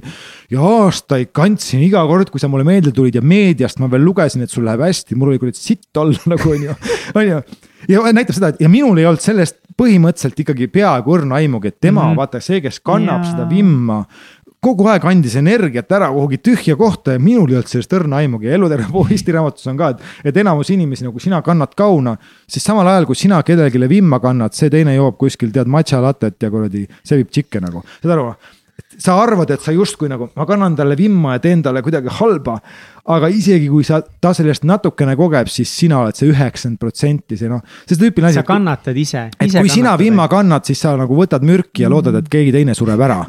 on ju, kogu aeg võtad iga päev mürki, mõtled, millal ta nüüd sureb nagu, millal ta nüüd tunneb sitasti ennast. aga sina ise nagu mürgitad ennast, see on jabur asi ja seda nad teevad. eestlastel on siuke vimma kandmine mm,. hästi tugev, pikka vimma. ja eriti lahe on see, et kui need vahe, inimesed omavahel ei suhtle ja siis see üks kannab vimma ja teisel on täiesti savi noh, ta ei tea sellest midagi, ta ei ole sellest midagi kuulnud.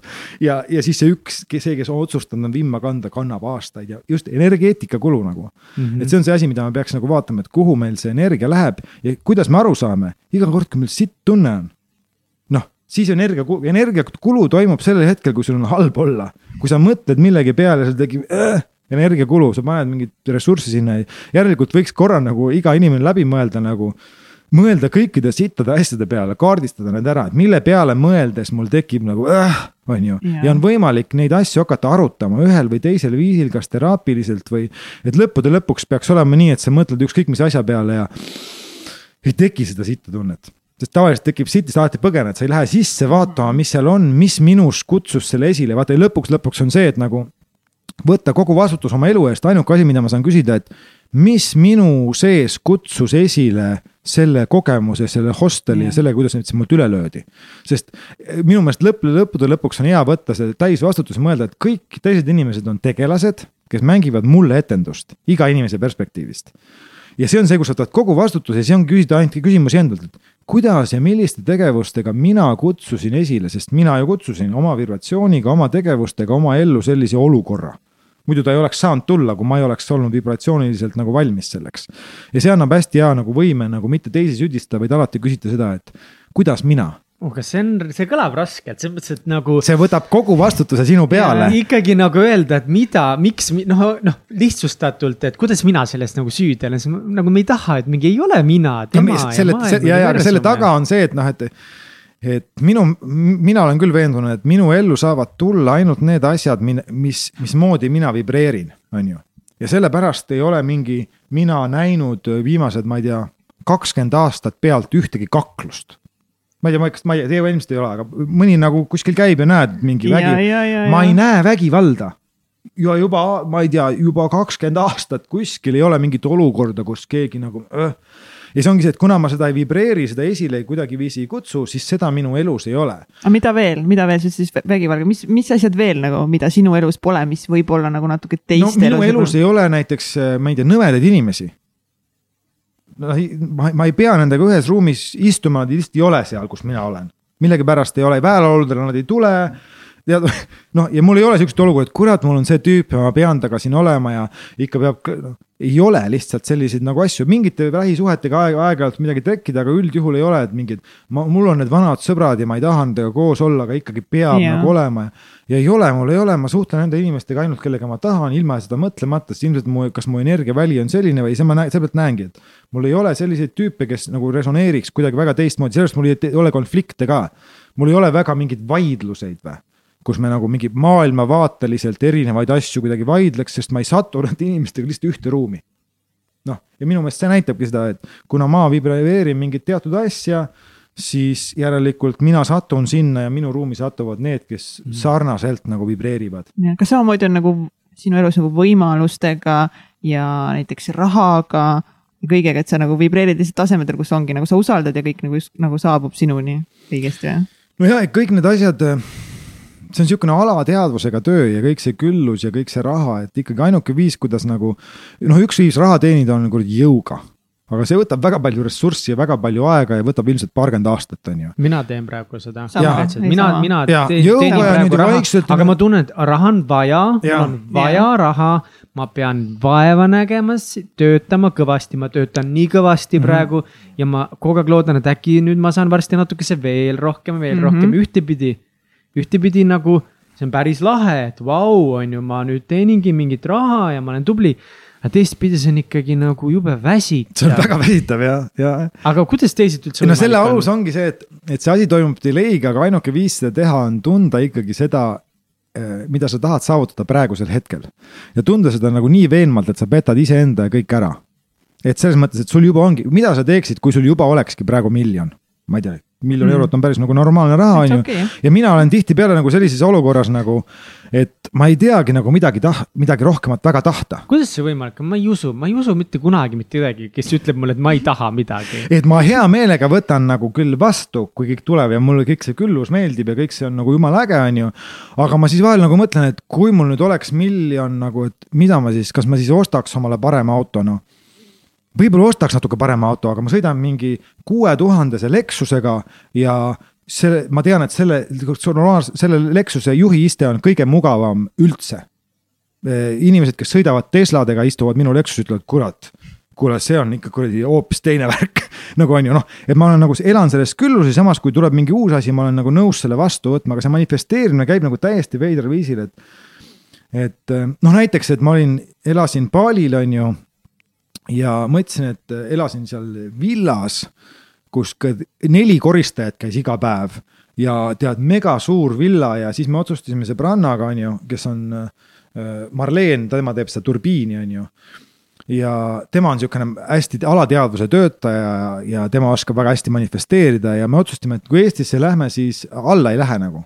et, et lähme ainult ülesse aga see on ju tahtmine, see on ju sihuke väga kõrge standard, mingi oh ma tahan, et keegi koristab neli korda nädalas ja mul on villa ja. ja, ja see ongi, see, see ei ole nagu tahtmine, see on nagu otsustamine. me otsustasime ära, et igal mm. juhul nagu saab, saab olema nii, et äh, see olukord on nagu kas sama või veel parem, on ju ja siis ma tulen Eestisse ja äh, kuidas, kuidas nagu käigud käivad sellega, on ju, esiteks on see, et mul on täitsa normaalne korter vanalinnas, lähen sinna, vaatan, et see ei ole nagu see standard päris, nagu mm -hmm. väga tore korter, on ju ja mul ei ole kuskil elada, aga äh, sõber tuleb, küsib, äh, need, kes seal olid mul korteris enne sees, ütlesid, et kuule, me tahaks seda edasi rentida. siis ma ütlesin, et davai, rentige edasi, ma üldse ei tea, kus ma elama lähen, kas ma lähen vanemate juurde või mis must saab, on ju, aga ma rendin teile edasi. siis äh, peaaegu oli kokkulepe, et ma rendin edasi, nad tulid ütlema kuule, sorry, et ma ikkagi ei rendi. aa, okei okay,, te ei rendi, et te leidsite teise korteri, okei okay,, väga hea davai, mis ma teen siis, mõtlen, et panen Facebooki kuulutuse ja vaatan, mis saab. panin Facebooki kuulutuse, et rendiks oma selle korteri välja sihukese hinna eest, viie minuti pärast tüüp helistab. kuule, ma võtan sulle korteri ära nüüd. okei okay., tuligi, võttis korteri ära ja mina olin siis ilma korterita, istun seal ja mõtlen, tea, mis teha, küsin sõprade käest. et tead, mul kuskil elada ei ole, mul nii ka hea on ju ja või ma võin rentida ka midagi. ja siis järsku üks sõber ütleb mulle, kuule, mul on üks korter vaba et äh, aga mine ela ajutiselt seal, ütles mulle augusti alguses seda. ja see korter on nagu kõige parem korter, mida ma ilmselt olen Tallinnas näinud. ja ma elan seal senimaani. ja ma, mis ma tegin, ma tegin selle, et ma lasin enda sellest korterist lahti ja maailm tõi mulle, ilma et ma oleks sundinud, ma lihtsalt nagu esitasin nagu palve ja viis mind sellisesse kohta, kus mul on põhimõtteliselt nagu tundeliselt nagu vaade ja standard sama, mis mul oli seal nagu Balil. kas see oli see, kus me ka käisime või, või see ei või? vanalinnas. ei, vanalinnas on see teine korter okay., mis ma välja andsin. okei okay.. et nüüd ma elan ühes väga vinges, uhkes korteris mm. ja näed, kõik on olemas ja see ongi see, et see usaldus selle kohta ja iga kord nagu vaatad ja oled sihukese näoga, nagu sa juba elaksid sellises kohas hmm.. ma no mõtlen, et, et mis see siis nagu ikkagi nagu on, et ühtepidi sa tahad küll nagu ilusat või sama head või suurt, aga et, et sa siis nagu teistpidi oled alati nagu valmis kõigest kuidagi lahti laskma või. või ma ei tea, ma nagu ikkagi, mina kuulen seda, et sa ikka tahad väga vingeid asju. ja siis sa lihtsalt kuidagi nagu saad need, kuidas ma saan, ma tahan vaata, ka. seal on vist see, et see üks on see tahtmine, vaata. see tahtmisel on sihukene, sihukene tunne nagu, et kui sa ikka ei saa, mida sa tahad, siis on natuke sitasti. siis on ikka väga halvasti. ja, ja vaata ja see ongi see, see ongi see kvaliteediline vahe on nagu, nagu see taotlus ja manifestatsiooni raha, vahe on see, et. ma nagu soovin seda, aga kui seda nagu, ma käin sihukese näoga ringi, nagu juba oleks kogu aeg. ja samas ei ole üldse sitasti, kui seda ei ole. ja see on mingi nagu kummaline nagu seisund hmm see on mingi täielik usaldus ja siis sa oled kogu aeg nagu, sa ootad nagu üllatust iga nurga tagant, aga igavesti. no ei tea, millal see kõik tuleb, nagu kuskilt võiks midagi ägedat tulla nagu. ei tea, kust see mingi, kas see korter tuleb või kust see mingi raha tuleb, aga siis hoiadki seda entusiasmi kogu aeg, et iga nurga tagant võib tulla ja sa kordagi nagu lähe sinna mingi, kurat, ikka ei ole tulnud veel mm.. nii kui sa lähed sinna, kui ikka ei ole tulnud, sa võtad selle kõik nagu maha, on ju. ja siis sa nagu oledki selles tundes ja tegelikult lõppude lõpuks ei ole oluline see korter või see auto, vaid see tunne tunne on olulisem, tegelikult sa tahad tunnet, tegelikult sa ei taha autot, tegelikult sa ei taha korterit, tegelikult sa ei taha seda raha. sa tahad seda tunnet, mida see raha ja. või korter või auto võiks sulle nagu provide ida. nii et see point on siis võtta see tunne, luua see tunne juba praegu ja siis, kui sa oled piisavalt kannatlik, see kuidagi ühel või teisel viisil tuleb su ellu ja võib tulla ilma asjade tegemata, aga see, ma ütlen ka, et, et ei ole mõtet nagu loteriivõitu nagu oodata, on ju. parem on ikkagi ka asju teha on ju mm, -hmm. aga noh, selle, seda ma ikkagi ei usu. see raamat kättis mulle. selle, seda mina visanud isiklikult väga ei usu, et töö tegemisega nagu rikkaks saaks. ma olen sellega, ma olen täiesti nõus. et töö. tegelikult äh, hmm, ma, ma vaidlen vastu nüüd, ma arvan, et töö tegemisega saab ka rikkaks, aga ma usun hästi tugevalt. siis peab ikka väga palju tööd tegema e,. no ja, ja., peab küll, ma usun, et peab palju tööd tegema, aga ma usun ka seda, et, et on võimalik täiesti lihtsalt ära arvutada kui palju raha sul on vaja, et näiteks ähm, elada. või noh, et ongi, et mis, mis see rikkus on, sa pead ära arvutama, mis on, palju sul raha vaja on, et olla rikas. siis sa pead arvutama, kui palju sa peaksid iga kuu näiteks teenima ja, ja siis kõrvale panema, siis investeerima, näiteks mingi kümne, viieteist aasta. mingi sihukese väga konservatiivse investeerimisplaaniga tegelikult saabki päris rikkaks. mitte nagu miljonär rikkaks, aga tegelikult nagu küllaltki rikkaks, et sa saadki elada nagu päris mugavat elu või siis näiteks tulla töölt ära. et mõnes mõttes ma usun, et see on täiega võimalik, aga teistpidi nagu nagu suurt-suurt nagu tohutut jõukust, ma usun, et nagu tööga otseselt ei saa, et sa pead midagi nagu kõrvale tegema, mingit ettevõtlust alustama või. et peab nagu natuke kas joppama ka mingi ideega või noh, minu plaan on see, et kui ma üldse ma tunnen, et kui ma rikkaks saaks, siis ma võin rikkaks saada, kui ma. praegu ma tõlgin seda elutervet Pohhuisti raamatut. kui ma suudan selle kuidagiviisi läbi mingite imede Vene turule ja see läheb mingi Moskvas läbi Tä. täiesti reaalne, sihuke raamat, see on šanss olemas et jõuab sinna, kellelegi meeldib, kedagi tõmbab ja järsku müüb mingi Venemaal viiskümmend tuhat täiesti reaalne. väga reaalne, ma arvan, see on väga väike no, eesmärk, see on Vene turul, jah. ma ei tea, mingi, et need on need kohad, kus nagu, kuhu mina nagu proovin neid signaale saata ja kõik nagu proovida ära.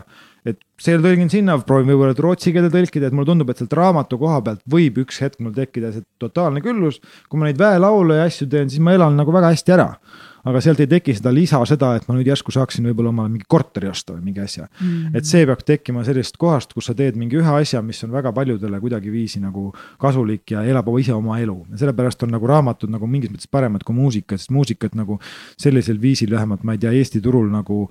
noh, kindlasti on mingid kakskümmend muusikut, kes on rikkad, on ju, aga see on nagu hästi nagu kitsas ja nad peavad päris palju tegema, päris palju teles käima, seal Eesti lauludel mässama ja ma ei tea, kas mul selleks nagu energiat ja püsivust on, et mulle meeldib seda väelaulu teha lihtsalt et on ju. ma võiksin seda küll suuremaks saada, Nokia tead kontserdisaali ja nii edasi, on ju. aga miks sa tahad rikkaks saada? aga mul ei ole otseselt eesmärk nagu rikkaks saada, aga ma nagu olen avatud sellele küll, sest see tekitab rohkem võimalusi. kui mul ja. oleks nagu rohkem ressurssi, siis ma võtaksin võib-olla veel rohkem mingeid projekte ja mingeid huvitavaid asju, et sest mul on hästi palju nagu ideid. aga teisest küljest nagu ei ole seda rikkust selleks vaja, kui mul on mingi väga hea idee, siis mul on inimesed vähemalt, kellele seda presenteerida, kellel on see raha, kes võivad potentsiaalselt seda asja nagu toetada et oluline on, need inimesed oleks kuskil ümberringi ja sellepärast, kuna nad on ümberringi, ma tunnen ennast juba rikkana. kui mul ikka eriti hea idee tuleb mingile projektile, siis tõenäoliselt, siis, siis tõenäoliselt jah. need inimesed, keda ma tunnen, kes on piisavalt ägedad ja kellel on piisavalt raha, võiksid nagu anda sellele algkapitali ja siis ma tunnen kogu aeg, et mul ei ole mingit piirangut, et ma ei saaks nagu midagi teha. mul on kogu aeg sihuke tunne, et kui on piisavalt äge idee või siis see ressurss on ka olemas nagu asjad, asjad juhtuvad õigel ajal ja õige, õige, õiges hetkes. mina olen segaduses, aga siin on huvitav äh, lõik sul ka või tähendab, ma lihtsalt mäletan, enne ma tegin selle raamatu lahti, ma võtsin just selle koha pealt. dopamiin ja serotiin, eluterve pohhuis teab, et end tööga pooleks rabada ja elu mitte nautida on ajuvaba. samamoodi on ajuvaba lihtsalt niisama mokk töllakil passida ja kogu aeg mõnuleda, ehk siis mõnes mõttes nagu ma kuulen sind ja ma natukese nagu kuulen, et ei, et sul ei ole midagi vaja, aga samas ma kuulen, sa tahad rikkaks saada, aga siis tegelikult lugedes seda lõiku ka nüüd. võib-olla siin ongi nagu jälle see tasakaal, et, et nagu ühtepidi me ei taha nagu, me ei tohiks nii palju tahta ja ja nii nagu selle kramplikult tahtma ja ongi see, et kui ta nüüd seal nurga taga ei ole, siis on sitasti. aga teistpidi ei ole nagu ka halb tahta liikuda siis nagu kuidagi edasi või midagi nagu saavutada või mingit rohkem ressursse saada, rohkem vahendeid saada, kas ma saan õigesti aru? ja, ja kindlasti asi on ainult tasakaalus ja, ja see ongi see, et vaata, kui me võtame dopamiini ja serotoniini, siis dopamiin on nagu autoga kihutamine ühest punktist teise, on ju ja, ja serotoniin on nii-öelda seal mingi mooni põllu ääres passimine ja lindude vaatamine, on ju ja kui sa ühte või teist teed nagu liiga kaua, sa ei saa lõputult seal neid, sul ei ole nagu kaif neid lilli seal passida nagu. sul on hullult kaif kihutada, siis peatuda ja võtta paar tundi või ja siis sa naudid seda, mis seal kõik paista on, on ju. ja, ja ongi, kui sa liiga palju nagu sihid sellele nagu, nagu nii-öelda eesmärgile ja tahtmisele, siis sa nii-öelda kihutad läbi elu ja sul on tegelikult nii palju ilusaid inimesi ja asju, mida sa saaksid nautida kõrval. aga sa prioriteeti, prioritiseerid seda tööd ja sa, sul jäävad need ilusad hetked märkamata kui sul, kui sa ei suuda ennast nagu kas nädalavahetusel või mitu tundi päevas täiesti juh, nagu juhe seinast välja tõmmata, sest tihtipeale inimesed, kes on nagu eesmärgile fokusseeritud, nendelt tiksub see kogu aeg. Mis tähendab seda, et nad põhimõtteliselt kogu aeg kihutavad, nad proovivad küll selle autoga kihutamisel naisega juttu rääkida, isegi seksida selle auto roolis, aga tegelikult nad kihutavad ikkagi selle autoga edasi, kui sul on see eesmärk kogu aeg ees. Ja nüüd on see, et siis vahepeal võid, panedki paar päeva, kihutad siis tõmbad juhtme seinast välja ja siis naudid nagu, et see, leida see tasakaal nende kahe asja vahel. ja oluline on see, et kui sa tunned nagu, kui see tahtmine on ja kui sa tunned ennast sitast, et sul seda asja veel ei ole, siis ma ütleksin, et sa teed midagi valesti hmm.. seal on nagu see küsimus, et seal see, see no eh, üldiselt siis peaks selle taga olema hirm nagu ilma jääda, hirm nagu, et praegu mul on liiga vähe, aga hirm ei ole hea hüppelaud. ta on küll hüppelaud, aga ta ei ole nagu kõige elutervem hüppelaud et aeg-ajalt on võib-olla seda okei okay nagu kasutada aga üldjuhul, kui seda liiga palju kasutad, siis tunned ennast ju päevad läbi sitasti, sest sa võid alati lõputult ju võrrelda ennast veel rikkama inimesega. alati on kellegi, alati on kellelgi on mingis mm., igas aspektis on keegi sinust parem kas laulmises, kellelgi on ilusam keha, kellelgi on rohkem naisi, kellelgi on rohkem raha. ja nii kui sa selle koha pealt ennast võrdled, sa võid ennast eluaeg tunda sitast ja justkui öelda, aga ma olen siis motiveeritud rohkem jõusaali nagu tegema, kui ma vaatan, et sellel kutil on hullult äge keha ja tunnen ennast sitasti, et mul ei ole. et see annab mulle motti nagu teha, aga no siis sa eladki kogu aeg selles nagu sihukeses nagu kehvas tundes et pigem oleks nagu see, et kuidas suudad vaadata seda tüüpi, ütled, kurat, see on nii inspireeriv on ju, kas sa suudad, on ju, vaadata mingit teist tüüpi, kellel on hullult äge keha, et see on nii inspireeriv, et ma teen ka siis natukene. ja vaatad mingit miljonäri, kellel on mingi hullult äge et inspireerid mind, mitte et mul on nii kade raisk, et sa oled see kuradi sellega ja mõtled, et kuradi, ma pean selleks järgmised kakskümmend aastat tööd tegema, et seda kuradi Bentley't osta, on ju, või ma ei tea, mis iganes, on ju. et see ongi see suhtumise küsimus, et kui sa suudad neid, kellel on sinust midagi rohkem või parem, võtta kui inspiratsiooniallikat, on ju mitte kui see, et tunda ennast sitast ja siis läbi selle ennast push ida, see on ka inspiratsiooni, motivatsiooni vahe, motivatsioon alati push ib sind nagu selle koha pealt, kus nagu lükkab sind tagant nagu niimoodi nagu tead, paneb sinna midagi tagumikku, et hakka minema. siis inspiratsioon on see, mis vaatad oh,, tõmbab mind, tahaks ka nagu seda mm, -hmm. aga see tunne sellega kaasneb nagu on hea, on positiivne mm.. kas me räägime elust hirmutav, räägime suhetest, Kats? mõlemast ei no aga järgmisena nüüd, kohe praegu. no ma arvan, et siit nagu see hirmu teema on nagu võib-olla hea üleminek, ma arvan.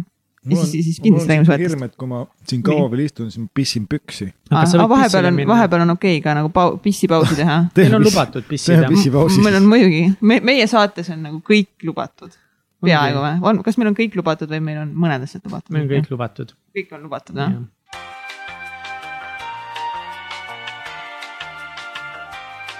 Mõlemad mehed sirvivad raamatuid, üks on oma eh, lauluraamatus ja teine on Eluterve pohhuisti raamatus ja lihtsalt nagu väga süvenenult otsivad midagi, ma loodan, et nad leiavad need asjad ülesse, aga ühesõnaga siis eh, natuke räägiks Tommiga see hirmudest.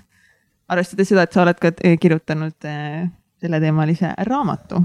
mis on, mis on sinu jaoks üldse, mida tähendab hirm? Noh, hirm on tunne, eks ju. mis tunne ta on? hirm on tunne, ebameeldiv tunne, hirm tähendab seda, et meie keha toodab kortisooli. ja kortisool paneb meid ebamugavalt, tundma ennast ebamugavalt selleks, et me võtaksime midagi praegu ette. sellepärast, et noh, baas on see, et ilmselt on tegu eluohtliku olukorraga, hirm tekib siis, kui sa kuuled, et mingi metsloom kuskil karjub või mingi ohtlik olukord, et. et see kortisol siis äratab äh, kõik rakud ülesse ja keha läheb häireolukorda, et sa saaksid nagu võimalikult, noh, dopamiin ka on ju. ja, ja et sa saaksid siis võimalikult tegusalt praegusel järgmisel hetkel karu eest ära joosta või midagi nagu kiiresti nagu ära teha et hirmu nagu baas nagu eesmärk on see, et panna sind tegutsema, et sa ellu jääks ja siis on nagu erinevaid siis hirme, on siuksed noh, et baashirm ongi nagu see, et, et eluohtlikust olukorrast põgeneda, aga me kardame üldjuhul ikkagi neid asju, mida me ei tea. jaa et see on see nagu üldine asi, et seda, mida me Teadnud. teame, me ja. üldjuhul ei karda, kui ma ütleksin sulle, et kuule, sul on järgmine nädal autoõnnetus, sa murrad käeluu, midagi hullult ei juhtu nagu, aga see juhtub. siis võib-olla sa isegi nii väga ei kardaks, kui ma nagu suudaksin sulle öelda, et nii täpselt juhtub. aga kui sa ei, kui sa ei tea, siis see teadmatus siis tekitab hirmu ja, ja inimesel on siis komme sinna teadmatusse tulevikku olukorda manifesteerida kõige halvemaid variante mm -hmm. mõttega, et kui ma selle variandi läbi mõtlen ja läbi tunnen, siis ma olen justkui paremini ette valmistanud selleks olukorraks, kui see juhtub näiteks inimene on mingis suhtes, on ju, ja, ja siis asjad lähevad natukene nagu rabedaks, on ju, siis inimesed mõtlevad, aga kui me, kui ta mind päriselt nüüd maha jätab et ma nüüd mõtlen siis läbi, ma ei tea, mis nüüd lastest saab, mis nüüd sellest saab ja, ja lähen sinna kuidagi paanikas sisse, mõtlen nagu, et, et, et siis ma äkki olen nagu rohkem valmis selleks, et kui see olukord nagu juhtub, on ju mm, -hmm. aru saamata, et selle tundega, mida rohkem ma selle peale mõtlen, ma kutsun seda olukorra rohkem esile. see võimalus sellest, kui me ikkagi kardame, et midagi juhtub, siis on suurem tõenäosus, et see midagi juhtub. yeah sest siis me kutsume seda reaalsust, me lepime sellega, et see juhtub. Ja see on siis põhi nagu jama, et see hirm nagu tuleviku ees, et hirmu mineviku ees ei ole, on ju, minevikus võib olla nagu kahetsus, on ju, aga tuleviku ees on siis see hirm. Ja see on siis see põhiasi, millega inimesed tegelevad, see kurikuulus muretsemine. Ja muretsemine on nagu palvetamine, et juhtuksid need asjad, mida sa ei taha me olime saunas ükskord ja juhuslikult töökaaslane tuli ka saunatrennis ja ja siis rääkisime samamoodi just seal nendest sõnade valikust Eesti sõnavaras. ja tema rääkis, et tema nagu nii-öelda vanem põlvkond tema perekonnas, kõik räägivadki niimoodi, et peaks ikka selle uue külmkapi muretsema. oh, peaks ikka midagi süüa täna muretsema meie pärast, kus seda sõna kasutatakse, ma hakkasin mõtlema, aga see on nagu nii naljakas, et miks me üldsegi, miks me isegi kasutame mingit sõnasid, peaks süüa muretsema. ma peaks mingi süüa muretsema endale. ma tahaks küll süüa mingeid häid asju ja, ja. mulle sobiks väga hästi söömine. aga, aga nende asjade muretsemine, minu meelest see sõnakasutus on hästi oluline, me ei saa aru, aga alateadlikult on see hästi oluline, näiteks, et nagu et sa võiksid öelda, et tahaks hullult kuradi palju raha teenida mm,. teenida. tahad või? mina küll ei taha nagu minule võiks, kui keegi võiks selle raha mulle lihtsalt anda nagu, ma oleks jumala fine mm.. see teenimise koht ei ole otseselt oluline, raha tahaks saada, on ju, tahaks teha seda, mida ma armastan. aga see teenimise koht seal tegelikult, vaat see ongi, kui sa ütled, et sa tahad väga palju raha teenida, palun tööta kuradi, seaks ennast järgmised kolmkümmend aastat ja teeni siis on ju. aga tegelikult noh, vaata jälle sõnakasutuse mm -hmm. nagu see, aga kui me räägime siis sellest hirmudest on ju siis eh, jah, no põhibaas on see, et eh, kardame teadmatust ja hakkame sinna teadmatusse välja mõtlema kõiki neid asju siis, eh, mis mis võiksid olla, arve, arvates, et me siis kuidagi valmistame ennast paremini ette, mis on täielik jama, sest me kuidagiviisi ei valmista ennast paremini ette. me hoopis nagu susserdame ja kutsume siis teistes inimesed, alati on ju oht lahku minna näiteks. alati. alati on oht lahku minna, alati on oht, et sa kaotad midagi, aga kui me sellest järjest rohkem räägime, et kuule, aga mis siis juhtub, kui äkki nüüd järgmine kuu midagi juhtub ja me lähme lahku. ja siis jälle noh, jälle jälle räägid sellest, siis teine hakkab ka mõtlema, aga tõepoolest nagu aga mis siis juhtub ja, ja selles mõttes kõike võib juhtuda on ju. aga äkki ma armun ära kellessegi teisesse, sa võid ka ju ära armuda ja kui sellest kogu aeg rääkida, siis ongi ohoo, on ju. on küll ja minu üks lemmikväljend on see, et ka eh, puumajade vahel kõndides võib sulle telliskivi pähe kukkuda. no äkki kukub ja, nagu. ja no, sellepärast, sellepärast siis eluterve pohhuist ütleb, et tegeleme probleemidega nende tekkimise mm. järjekorras et siis, kui tuleb, siis tegeled, on ju. ja siis, kui ette ei karda, et nagu ma harjutasin seda hästi hea on nagu vaata lõbustusparkides on see, tead see su suur torn, vahel nimetatakse supermaniks on ju, sind tõmmatakse nagu tooliga, tõmmatakse otse ja. üles, on ju. ja siis sa istud seal mingi kümme sekundit ja järsku see tool kõik nende inimestega lendab ja. alla, on ju. see on super harjutus selleks. Äh, minge sinna selle tooli peale ja tehke nii, et enne kui sealt alla kukub, chill nagu räägi juttu, what's up, kuule, kuidas läheb ja jumala chill on kõik ja mingi räägid, oled täitsa nagu, lähed selles seisundis, et kõik on täitsa tavaline ja vaat siis, kui see tool siin alla kukub, siis karjud ennast kuradi lolliks, on ju.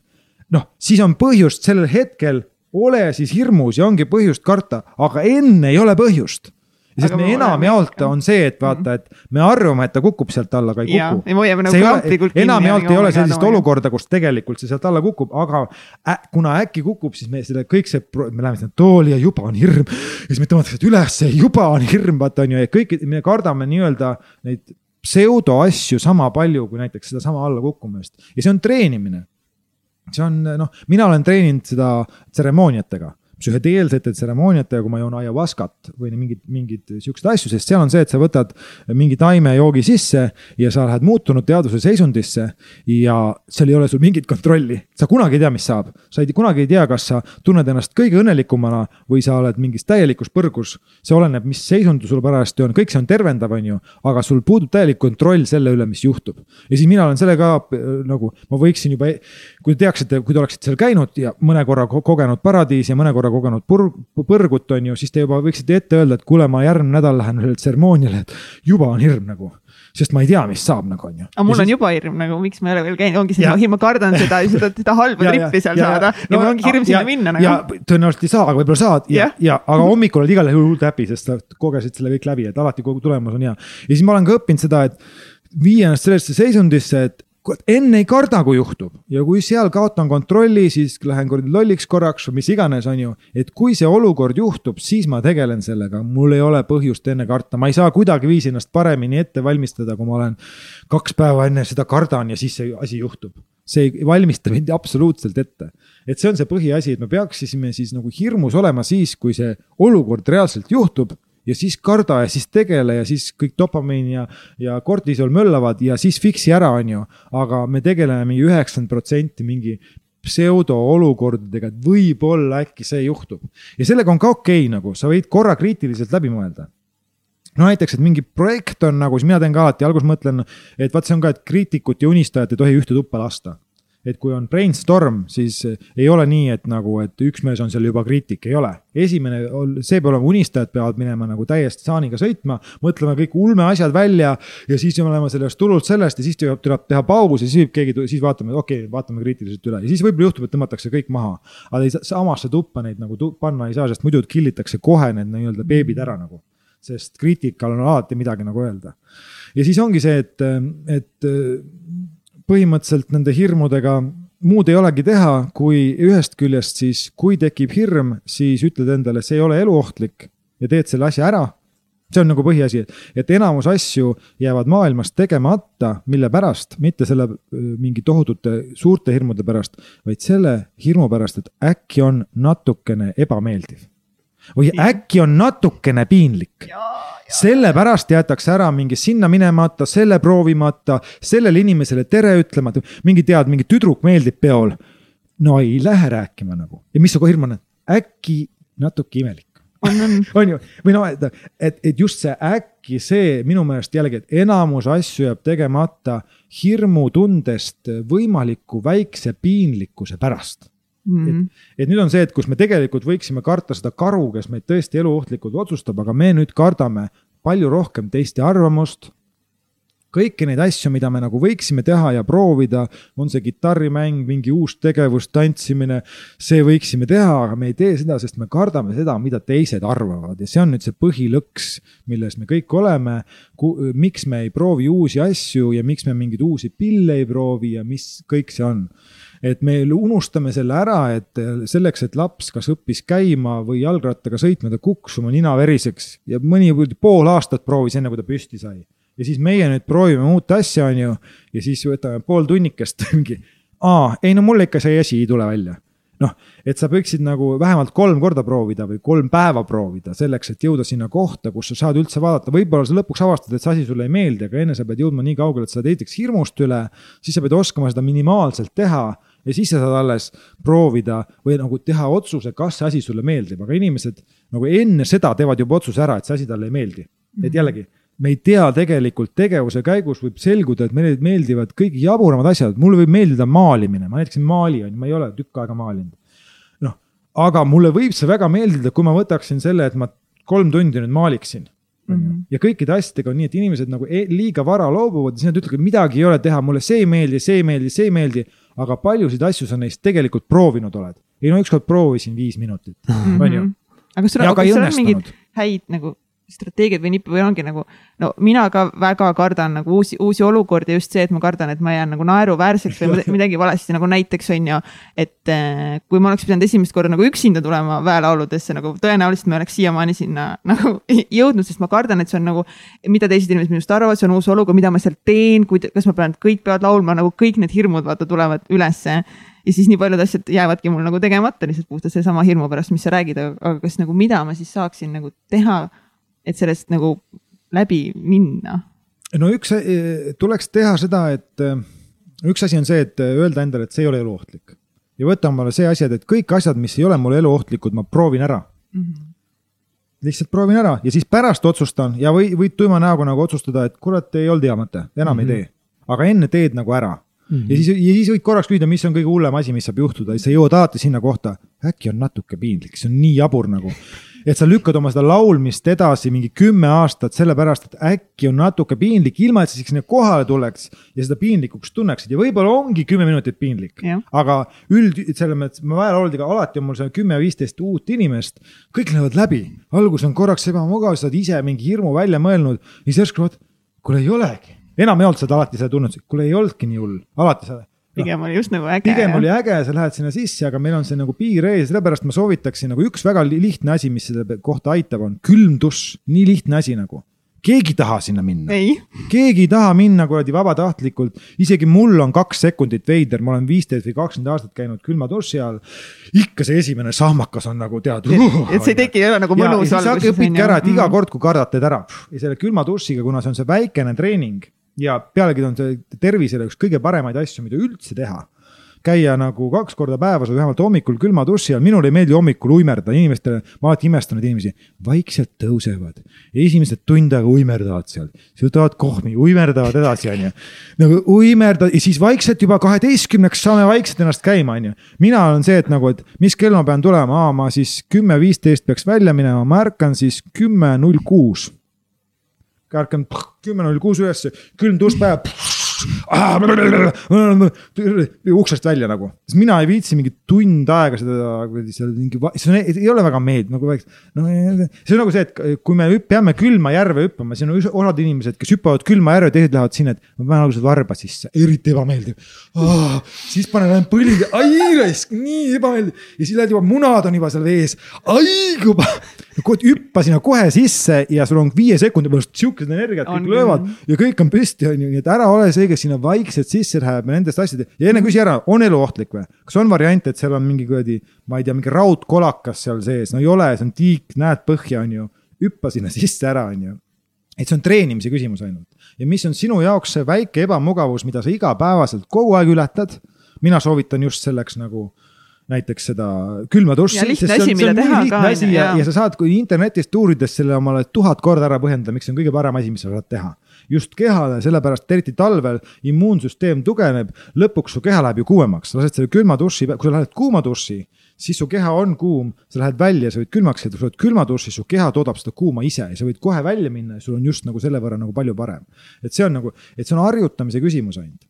et ja siis hakkad teistes olukordades tegema mingi kiuste nagu, sa pead seal nagu driver'i võtma käiku nagu siukse nagu tead, mitte mingi see, see on nagu erinevad nagu fragmendid, kas sa oled see soft, et mingi proovin tasapisi on ju. vahetevahel peaks ikka ütlema, et proovin ära, siis pärast otsustan, nagu võta nagu see asi, proovin ära, mis on kõige hullem, justu, on piinlik, no davai, siis lähen kuradi tunnen seda piinlikkust seal on ju. ja siis sa, kui sa paar korda need asjad käid sealt mingi ekstaatilisel tantsul, käid mm. selles käid selles, kui inimene võtaks omale järgmiseks kuuks ajaks, et teen kuradi seitse ebamugavat asja teen seitse ebamugavat asja ja siis tõenäoliselt avastab, et ükski neist lõppude lõpuks ei olnud ebamugav.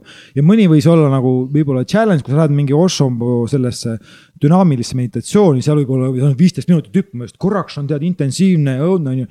aga sa ei võta selle, sa ei tee protsessi keskel neid, vot inimesed on nagu see, et on muinasjutt on ju ja ma hakkan sulle rääkima siin muinasjuttu ja jõuan mingisse kohta, sa ütled, mulle ei meeldi see muinasjutt saad aru, aga sa ütled mulle seal veerandi peale, et sulle ei meeldi, sa ei saa, sul, sul ei ole mingit alust nagu siis ma, ma pildin selle jutu üles ja lõpus tuleb püant, on ju, ja see püant on üldjuhul nende tegevuste juures alati hea Mm -hmm. kui sa oled käinud seal ekstaatilisel tantsul, kui sa oled käinud seal väelaulul ja selle poolteist tundi ära olnud mm -hmm. ja seal joogas ära käinud, siis lõpus on sul alati, no üheksakümmend üheksa koma üheksa on hea, et tulin nagu või vähemalt hea, et proovisin, et lähen nüüd proovin seda teist asja ka, on ju et, et see tuleb lõpuni ära oodata ja mitte poole pealt järeldusi teha, inimestel on komme nagu kogu aeg sealt, see on nagu kuulan sind ja siis juba oma mõtted jooksevad, vaata kogu aeg on nagu see meil vestlustes ka sama asi.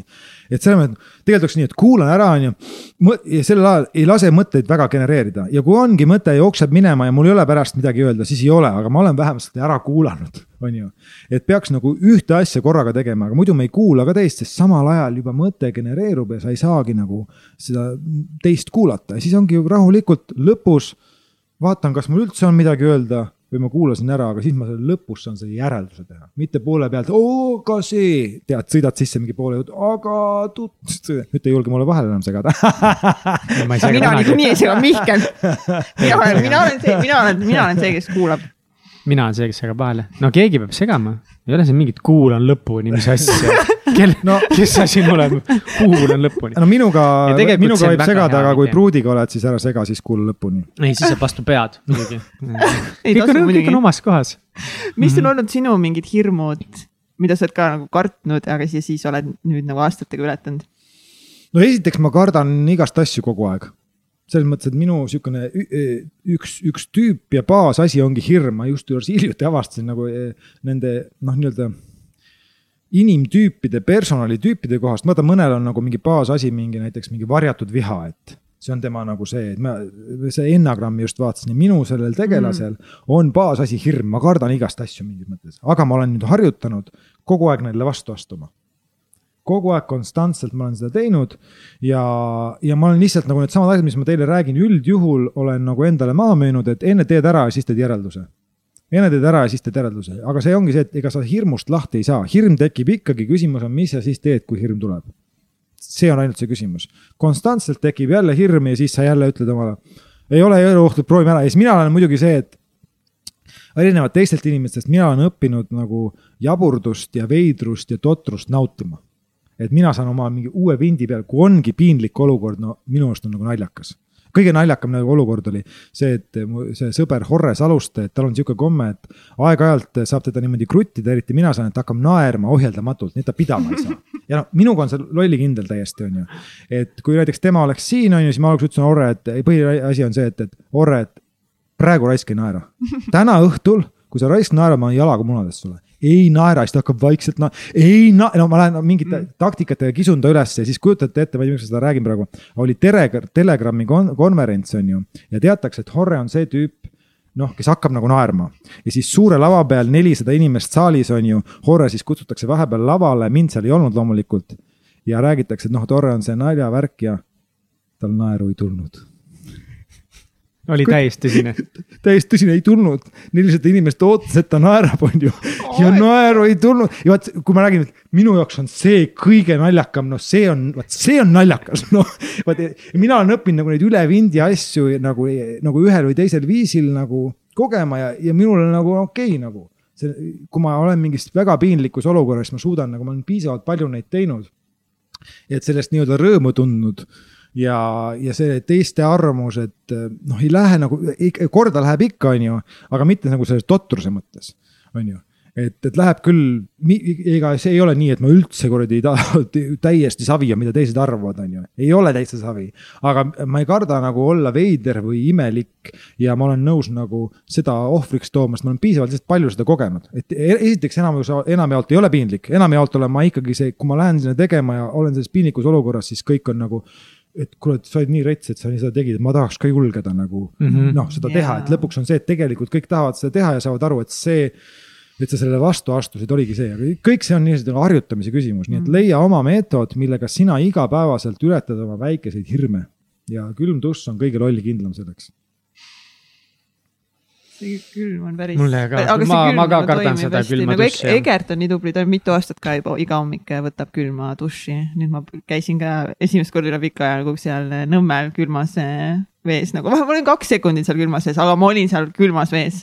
ja nüüd proovime seda nüüd iga nädal hakata tegema ja siis nagu tihedamini ja tihedamini nagu seda külmavee praktikat, sest nagu see kuidagi tundub, et see toimib ja see kasvatab päriselt sind tugevamaks ja oma immuunsüsteemi ja kõike, et see on nagu noh lihtne asi tegelikult, mida teha täpselt nagu Tom mõtleb. väiksed võidud iga päev. ja oluline on nüüd siin mõista seda, et äh, kui me räägime arengust, siis areng toimub ebamugavas olukorras. täiega. kui sa oled mugavustsoonis, siis järelikult ei arene no midagi võib-olla, aga põhimõtteliselt mitte. Väga mm. aeg. kui sa tunned ennast nagu terve päeva jooksul kogu aeg nagu safe, safe'ilt nagu, siis sa järelikult põhimõtteliselt ei arene, sa võid intellektuaalselt areneda, sa võid lugeda nagu raamatut mm. -hmm. aga sisemiselt sa arened just läbi enda väikeste ebamugavate olukordade, kus toimub tegelikult see muutus, sest muutus mm -hmm. toimub selle koha pealt. see ongi see, et sa valid selle siis nagu, kas siis nagu selle dopamiini variandi on ju, kus sa nagu lähed vastu, tunned selle ebamugavuse ära, saad selle hüve muutuda, on ju, või sa oled samas safe zone'is, kas siis nagu oksüdotsiini või serotoniiniga.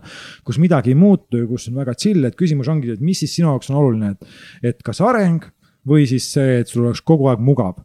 Ja... see mm, -hmm. see raamatu näide selles mõttes on nagu hea näide, et, et väga palju mingit raamatutarkust tegelikult sinust siis nii-öelda tulebki välja selles ebamugavas olukorras või et noh, oleneb muidugi, missugust loed ja kui me näiteks räägime nüüd just mingisugusest enesearengu raamatutest.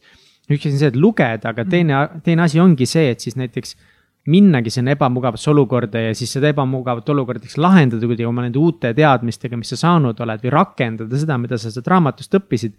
läbi nende ebamugavate olukordade, kus sa kasvad no praegu on kõige, minu meelest üks kõige suuremaid takistusi noh, sellisel ajastul, kus kõik on kättesaadaval mm., on see, et me ju kõik teame. noh, me ju teame, me teame igasugustest spirituaalsetest holotroopsetest hingamist, me teame, mis on meditatsioon, me teame, mis on see. aga me ei tee. me ei tee, on ju ja, aga ometigi me oleme seda raamatut lugenud ja kui keegi ütleb, et ta mediteerib, siis sa ütled kohe, ei, ma tean, ma tean, et selles mõttes, et ma tean küll, mis nagu see meditatsioon. nii et see teadmine on muutunud takistuseks, saad aru? sest tegelikult öeldakse, et vaata, teadmine on tegemine.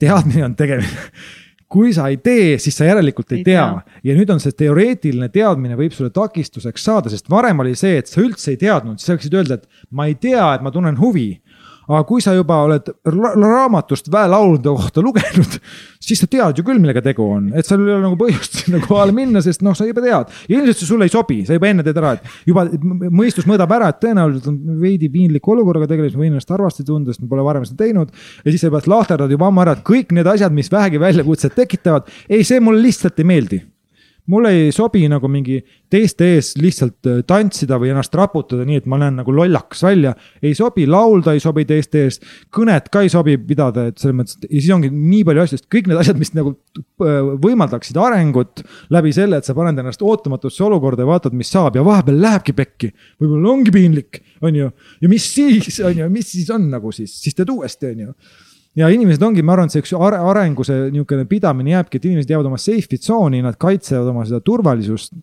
Iga kord, kui tekib, nad on nii-öelda ajanud segamini selle kortisooli, selle eluohtliku olukorra, selle väikese piinlikkuse tundega et neil tekib samasugune, samasugune kortisoli rush, seda õudust, mis õudus on see, et vaata, kas flight või fight on ju, et kas sa nagu siis tardud ennast ära, on ju, nagu mängid surnut, on ju.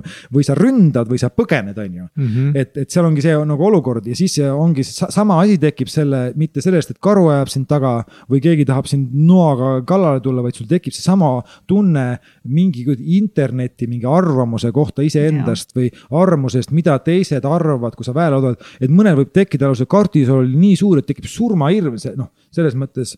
ja ongi surmahirm. tekib mm -hmm. nagu mingi väikse piinlikkuse tunde ees nagu surmahirm ja siis ongi, kas nad tarduvad, on ju, või nad põgenevad ja enamjaolt, kui nad juba selle peale mõtlevad, on ju, tegelikult on tegu mingi väga lihtsa asjaga.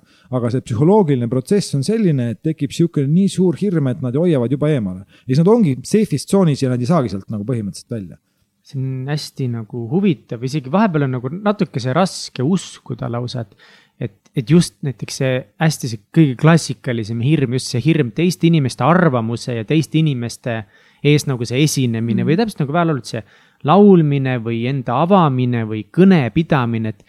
et paljude inimeste üks suurimaid hirme justkui ongi mingi kõne pidamine teiste inimeste ees, esinemine teiste inimeste ees, et, et kuidas nagu, kuidas see tänapäeval on nagu see kõige suurem hirm, mida me nagu tunneme?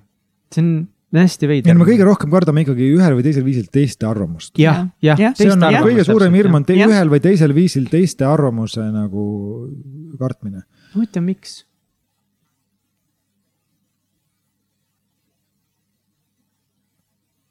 sest nad justkui saavad meid mõjutada. Mm. justkui nagu, sest mis siis? no ilmselt me esiteks, esiteks ei arva endast piisavalt hästi et teiste arvamus meid sellisel viisil nagu mõjutab et see on üks asi, mis on kindlasti baas, et teosed seotud on natukene nagu võib-olla enesearmastusega, on ju. et kui sa nagu, see oleneb ka, et mis nagu energias sa oled, et on teatud nagu energiad, on näiteks see driver'i energia. ma olen väga palju tegelenud viimasel ajal selle diskiga, ma ei tea, kas te olete kuulnud mm -hmm. diskmudeliga, on ju mm. -hmm ja noh, pikemalt sellest. aga, aga hästi-hästi lühidalt kirjelda, mis on diskmudel? diskmudelis on neli energiat ja meil on kõigis need neli energiat ja me siis oleme domineerivamad ühes või teises või kui me teeme ühte või teist tegevust, me läheme ühest teise, on ju. ja seal on siis driver'i energia, driver on selline nagu motivatsioon, motiveeriv vend, kes võib nagu, läheb oma sihile ja ta võib eksida, alustada uuesti, eksida, alustada uuesti, eksida, alustada uuesti.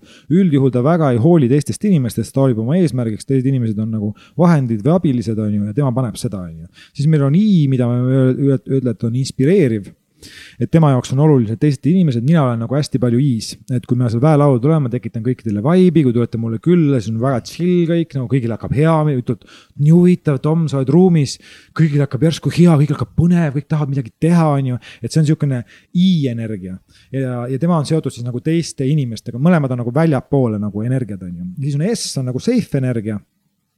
Safe on siis nagu selle driver'i vastand et driver on see, kes äh, möllab, läheb eesmärgi, safe on see, et ma ei taha, et midagi muutuks, on ju, safe on mhm. sihuke tüüpiline see oksüdotsiin on ju, et. tahan, et kõik oleks turvaline, nii kui mingi muutus on, see ajab mul endast välja, aga see safe hoolib ka teistest. et safe ütleb driver'ile, et kurat, sina seal möllad, sõidad inimestest üle, on ju. sa üldse teistest ei hooli nagu ja, aga me tahaksin, et siin kõik oleks turvaline ja need kaks nii-öelda driver'i S siis oma üksteist ei salli üldjuhul nagu energeetiliselt mm. -hmm. ja siis see viimane, nagu, viimane on nagu C et siis see on, see on niimoodi, et, et üleval vasakul on, on siis driver, üleval paremal on i, all paremal on S ja siis see C on siis all vasakul on ju, see on sihuke nelinurk on ju.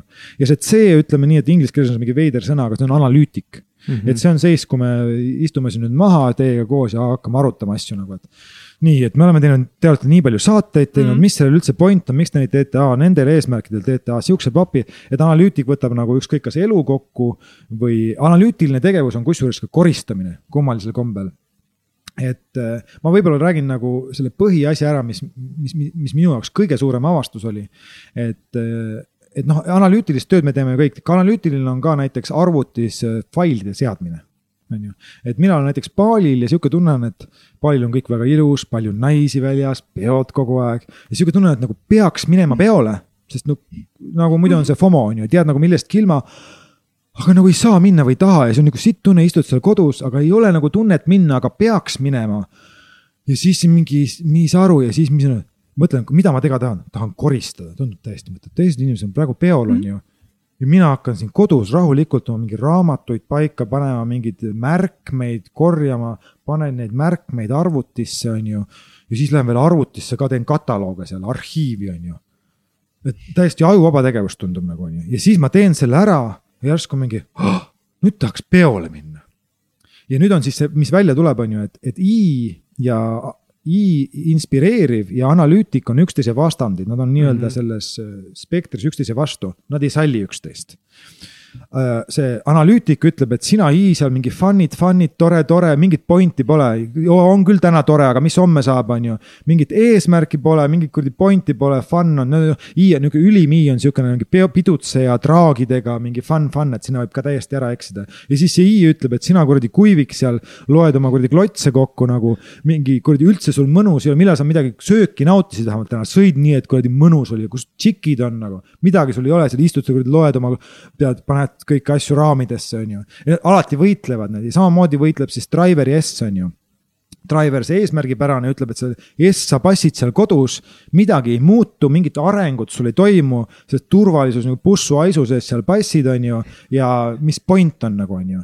ja siis see S ütleb sellele driver'ile, sina seal kuradi ajad seda raha taga, ajad seda eesmärki taga, sõjad inimestest üle ja kõik kogu aeg muutub ja kuradi, see on üldse väga ohtlik olukord, on ju. ja nüüd siis see põhipoint, kus ma tahan jõuda, pange nüüd tähele, on see, et driver laeb ennast S-is ja I, see inspireeriv, laeb ennast analüütikus ja põhjus, miks ma pärast seda, kui ma olin kodus, neid kuradi klotse seal kokku pannud ja arvutit seadnud, tekkis mul loomulik tunne välja minna ja pidutsema minna. et vahel on nii, et see nagu see, need ülemised ei ole laetud, näiteks on niisugune, mis on põhiviga, on see, et need, meil on need driver'id, rahateenijad on ju. ja siis nad mingi tunnevad, et mida rohkem nad teevad seda seda parem nagu on ja siis nad lähevad koju laupäeval ja mõtlevad, täna on eriti hea, täna saab rahus tööd teha nagu on ju. sest noh, ei pea tööd tegema, aga ma saan veel mingid asjad ära veel laupäeval, pühapäeval ka teha, keegi ei sega ka ja siis ma teen veel neid edasi. ja siis tekib mingi olukord, kus sa teed hästi palju asju, aga efektiivsust üldse ei ole. ja nüüd on siis see, et eh, nii jabur kui see ka tunduks, driver'i põhitöö on laisklemine. ta ei saa sellest aru, see on talle nii mõttetu, aga driver selleks, et ta saaks seda teha, mida ta tegelikult teeb, peab ta oskama juhtme nagu nii seinast välja tõmmata, et ta ja ajatult kusjuures, sest S-iga on naljakas lugu, et see S on ainukene, kes vajab ajatut ruumi et see on niisugune põhimure, mis näiteks mees tuleb töölt koju ja naine ütleb, et ole minuga koos, on ju. et mees ütleb, et väga hea, ma olen sinuga tund aega nüüd koos täiesti kohal naine ütleb mingi. naine ei saa ennast laetud, sa pead sellele S-ile ütlema, et ma olen sinuga siin nii kaua, kui sa tahad. päeva, kaks nädal, kuu, ma olen sinuga siin kuradi voodis nii kaua, kui sa tahad. ja siis naine ja siis võib juhtuda, et ta poole tunni pärast või pooleteist tunni pärast ütleb, et kuule mees, kuradi, mine kuradi küta oma tööd, mis passid siin nagu. vaata, ta saab laetud selles ajatusruumis mm -hmm. ja nüüd ongi see, et põhidriver'id on need, nad teevad ebaefektiivselt oma driver'i tööd, sest nad ei lae ennast neil on kogu aeg see, see sund peal, peaks veel tegema, peaks veel tegema, aga nad saavad seda oma efektiivsust ainult siis teha, kui nad lähevad koju ja võtavad sellesama asja, teevad iseendaga. Lähevad metsa, ütlevad, huvitav, ma passin siin metsas täpselt nii kaua, kuni mul tekib tegelikult ka tunne midagi teha.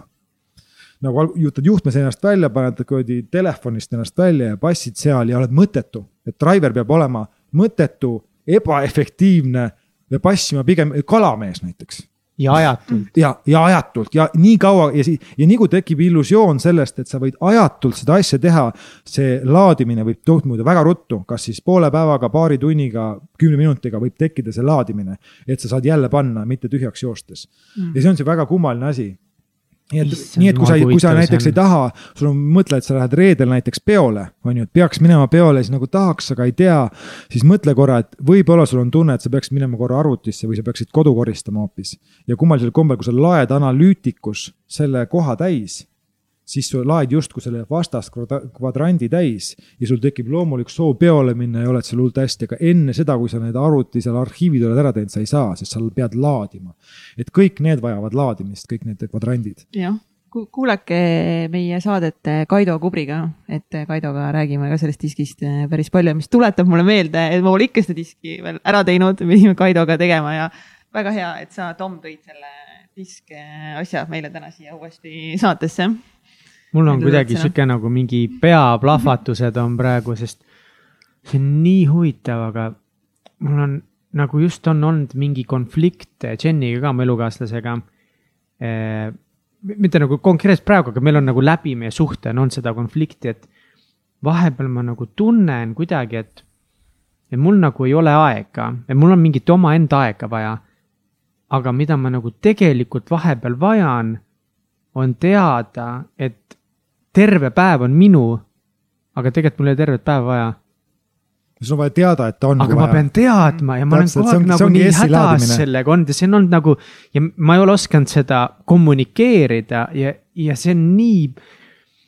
ja mind ei olnud vaata Kaidu osas ka nagu ja, ja lihtsalt praegu nagu siin midagi juhtus. sa said täpselt selle õigele asjale ligi, sa pead võtma selle aja ja siis sa võid arvestada, et sa võid ütlema, et ma ei tea, omale selle pereliikmele, et nii, mul on vaja tervet päeva, aga võib-olla ma annan sulle varem märku, kui ta saab sellest kui sa need diskid jälle ära seletad. ja siis on võimalik, et sul läheb terve päev, aga võimalik, et sa oled kell kolm ennast ära laadinud, sellepärast et sa said selle päeva ja siis sa juba oled laetud ja siis sa võid seda laadimist nii i-s kui driver'is kasutada või temaga koos, sest noh, i tähendab seda, et te lähete koos välja, lähete restosse, teete midagi ägedat, see on jälle see fun'i pool, on inspireeriv pool et jah, see on hästi oluline, mina olen ka võtnud nagu suhtes hästi nagu aluseks praegu selle diski mudeli, sest kui midagi on tuks, siis saab selle diskiga kohe väga ilusti seletada, et see mulle väga meeldib. teeme Kaidoga ka see, seda diski mm. -hmm. mm. -hmm. teeme, teeme muidugi. ma ei tea, miks juba ei tee. ma ei tea. miks ma praegu ei tee? no miks, miks juba, miks juba nii, miks juba kohal miks Kaido juba siin ei ole? miks juba tehtud ei ole? nagu jaa, teeme, teeme tag'i diski, oh my god. muidugi teeme, nii hea, et see taas, taas meil päevakorda tuli nagu mm.. Mm kuulge, sõbrakesed, kas me nüüd, me peame nüüd rääkima, kui ma täna eh, helistasin su imearmsale õekesele, eh, siit tuleb siis shout out to eh, Kadri Valsberg, siis ma küsisin ta käest, et mis on olnud tema arvates siis sinu elu kõige suuremad väljakutsed. ja ta tõi välja, et üks hiljutine suhe, mis sul purunes, oli tema arvates siis sinu elu üks kõige suuremaid väljakutseid, et isegi kui ta on näinud sind terve elu nagu kogu aeg sihukeses vaimses arengus ja et sul läheb nagu hästi, sa oskad nagu asjadega toime tulla. et siis see oli midagi, mis sind rajalt nagu päris maha viis. kas see on nii? jaa, kindlasti. et mul oli siis äh, kolm aastat äh, suhet äh, Mattiaga, kes on pärit New Yorgist, on Kreeka verd, imeilus tütarlaps, kes laulab kõige ilusamini. ja meil oli selline täiesti uskumatult kirglik suhe ja praegu me ka väga armastame üksteist, me ei ole koos. aga meil oli siis see kirglik suhe, kolm aastat kestis. ja see oli niisugune tüüpiline suhe, kus ähm, siis oli hästi palju seda seksienergiat, hästi intensiivset, hästi ägedat, et sihukest lõputut sulamist, sihuke tunne nagu hinged sulavad kokku. ja siis nagu läks nagu päevategevusteks siis lakkas kruttima täielik arusaamatus, mida ma nüüd oskan diskiga väga palju seletada, aga tollel ajal ma seda diskimudelit ei teadnud. ja kõik asjad olid nii pahupidi, nii et oli, ütleme nii, et läbi päeva oli niimoodi paradiispõrgu, paradiispõrgu, et hästi intensiivselt nagu negatiivne tunne, et me läheme kohe lahku. ja siis hästi intensiivselt positiivne tunne, kus kõik armastus jooksis igas rakus ja kõik oli nagu täiesti ulme, on ju, ja siis sihukene nagu pidev muutumine, mitte isegi vaata, mõnel inimesel on see, et kuus juhtub mingi kord läheb intensiivseks, aga see juhtus mul igapäevaselt mitu Iga korda. no algus oli nagu vähem ja siis mingi hetk läks ja siis oli niisugune nagu niisugune tunne, et ei saa lahti lasta, sest see armastuse tunne või see energia, mis meid koos hoidis, see. see oli mingi hinge kokkulepe oli nagu nii suur, et nagu, nagu rebiks hinge seest ära, ei saa nagu lahti lasta ja siis reaalsus, nii kui ma hakkasin analüütiliselt vaatama, et ei ole võimalik. noh, et ei saa seda kuidagi nagu kokku panna, siis ühesõnaga, mis siis juhtus, et, et me kaklesime väga palju, armastasime üksteist tohutult, kaklesime tohutult ja selle suhte siis viimasel lõpul ma Äh, kuna ma ei tahtnud kakelda, äh, ma ei ole üldse sihuke vaidleja, ma pole elu sees ühegi teise tead tüdrukuga niimoodi karjunud ja tead peaaegu nagu mingeid taldrikuid loopinud. mille üle või mi, mi, täiesti mõttetutes asjadest, see on lihtsalt energeetilise mm. küsimus nagu arusaamatus nagu, kus kaks inimest nagu räägivad ja ei saa nagu aru ja kogu aeg on nagu. ühesõnaga, tegelikult oli see, et tema S oli hästi tugevalt katmata, see safe, safe zone on ju. ja mina olin hästi palju driver ja I energias, mul oli kogu aeg kas fun või siis töö on ju. ja mulle tundus, et kui ma talle seda fun'i pakun, mida ma hästi palju pakun, et kõik, mida sa tahad rahaliselt, läheme sinna, mis sa tahad süüa. ma täitsin teda valet kvadranti ja ma ei osanud talle öelda, et nii kallis, istume siin nüüd voodis nii kaua, kui sa tahad, võtku selleks kasvõi kaks nädalat. ja ma ei teadnud, et see ajatut ruumi peab tekitama, et ta saaks laadida ja põhimõtteliselt oli kogu aeg, nii kui mina läksin sinna driver'isse, kes muudab kogu aeg, tema oli vaja, tema oli elus sihukeses kohas, kus ta oli üldse hakanud reisima, alles ta oli terve elu elanud New Yorgis kõik oli liiga muutlik ja siis mina andsin selle muutuse veel peale ja mina olen selline, ütlen, et kuule, meil on homme kontsert. meil on hullult hea pakkumine tuli praegu, et homme õhtul kuradi hullult hea, seal on kontsert nagu. issand, homme mingi asi jälle, sõidan, noh, et kokku leppimata minuga, kõik on nii uus, kõik on nii muutunud, igast hetkest võib pauk tekkida, on ju, sest tema on selles S-is, kes vajab turvalisust, mis on täiesti katmata ja siis oli kogu aeg ühe asjaga, teise asjaga. siis need asjad ka, et ei, ei suutnud valida, millal see asju klaarida tead, tema jaoks oli tihtipeale, energiat tulid üles viisteist minti enne kontserti, kujuta ette. ma tean, et mind ootab Adidas kakssada inimest ja siis autost teelt sinna. Ta ei suuda oma emotsioone tagasi hoida, ma ütlen, et kallis, palun teeme pärast kontserti, on ju. et arutame seda, aga ta, ta, ta ei ole võimeline, ma saan aru ka, et naise emotsioonid löövad üle ja ma ei suuda ruumi hoida ja siis ta kisub kõik niimoodi üles, me oleme siin laval niimoodi ja siis ma pean selle enda energia ära tasakaalustama, kogu rahva veel nagu käima lööma, on ju. noh, hästi pingeline on ju ja ma üldse ei süüdista teda, ta ei ole mingi, mingi imelik, lihtsalt energeetiline erinevus. aga kokkutulemus oli siis see, et, et me läksime lahku hästi rahumeelselt, hästi ilusti ja me veel pärast seda pool aastat olime veel nii ja naa lahti ja erinevatel maadel suhtlesime. aga selgus siis see, et mul lõi siis selle suhte lõpus selga üks tohutu kuradi valu ja pinge siia kuskile tead, siia õlakondi alla, on ju.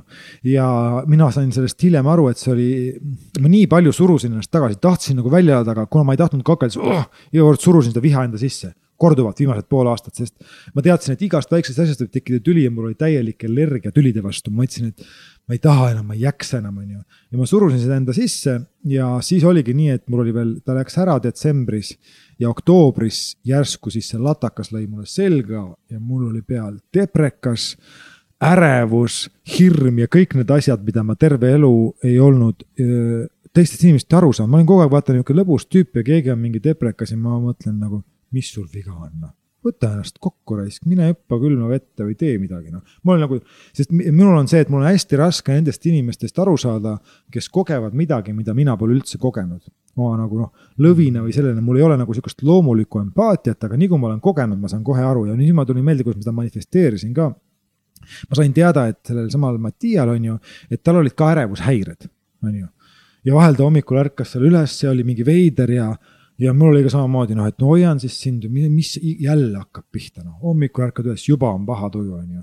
ja mul oli see mingi hetk, ma ütlesin, ma tahan teada, mis kuradi värk see on nagu. mis kuradi värk see on, et ta ei suuda ennast kokku võtta ja ma manifesteerisin selle kogemuse iseendale, et see oli ainuke viis, et ma saaksin aru, on ju, mida kõik need ärevuses inimesed tunnevad ja siis mul oligi see, et mul oli kindlasti kõige raskem eluperiood eelmine aasta oktoobrist kuni kuni siis maikuuni põhimõtteliselt, kus ma lihtsalt füüsiliselt ja vaimselt tundsin ennast totaalselt sitasti. ja see valu seljas oli veel mingi pseudovalu, mis tundus nagu ta oleks kopsus, nagu ta oleks seljas mm. -hmm. Läks nii kaugele, et ma arvasin, et äkki mul on kopsus mingi kasvaja, tead noh, ulme mõtlesin üle, nüüd oli see koht, kus ma nagu läksin sinna kohta, mida ma enne rääkisin, on ju mm. -hmm. mõtlesin asju välja, mida ei ole, samal ajal teadsin, et ilmselt ju ei ole. ja siis oli see, et pandi mulle kompuuteruuring, on ju, ja siis oli oktoobri keskpaik ja pandi vist üksteist detsember. Mul on kirves seljas, ärevus ja ma pean kaks kuud ootama seda, et saaks teada. saad aru? ja pra-, praen seal ja siis käisin igast ravitsejate juures, loomulikult kuna ma olin niisuguses deprekas, siis need ravitsejate juures üldjuhul need energeetilised paugud olid hästi võimsad, vaata kui sa oled nii hapras olekus, siis kõik need asjad, mis eelmist elukohta ja ma ei tea, mis kohtadega räägitakse, kõik töötavad. ja siis oligi, ma mäletan, et mul paar korda oli see koht nagu, mida siis see Mihkel Raud rääkis, et istun seal oma õe juures mingi toas, kõik on vaikne, tuba on korras, üks laps on toas, järsku tuleb see ärevushoog niimoodi peale nagu suur koll midagi juhtus ja siis mul on sihuke tohutu surmahirm lihtsalt. ja siis ma, mul on mingi teatud hingamisharjutused, lihtsalt hingan nagu mingi. Ja siis ma sain kohe nagu klikkas ära ka see, et see on see, mida aeg-ajalt võib-olla natuke vähem intensiivsemalt tundis Mattia. miks ta vajas, et ma hommikul ei, kui keegi oleks mulle selles ärevushoos öelnud, et kuule kuradi Tom raisk võta oma jalad kuradi jalge alt välja nüüd ja võta ennast kokku, tõmba kuradi külmadušš ja noh siis see oleks totaalselt šokeeriv olnud sellises seisundis. Ja siis ühesõnaga mul olid paar korda siukseid ärevushooge, mul oligi siia, et ma käisin kogu aeg hästi, istusin soojas vannis kogu aeg, et hoida vähemalt seda normaalset olekut nagu, et noh, et hea mul ei olnud üldse, on ju.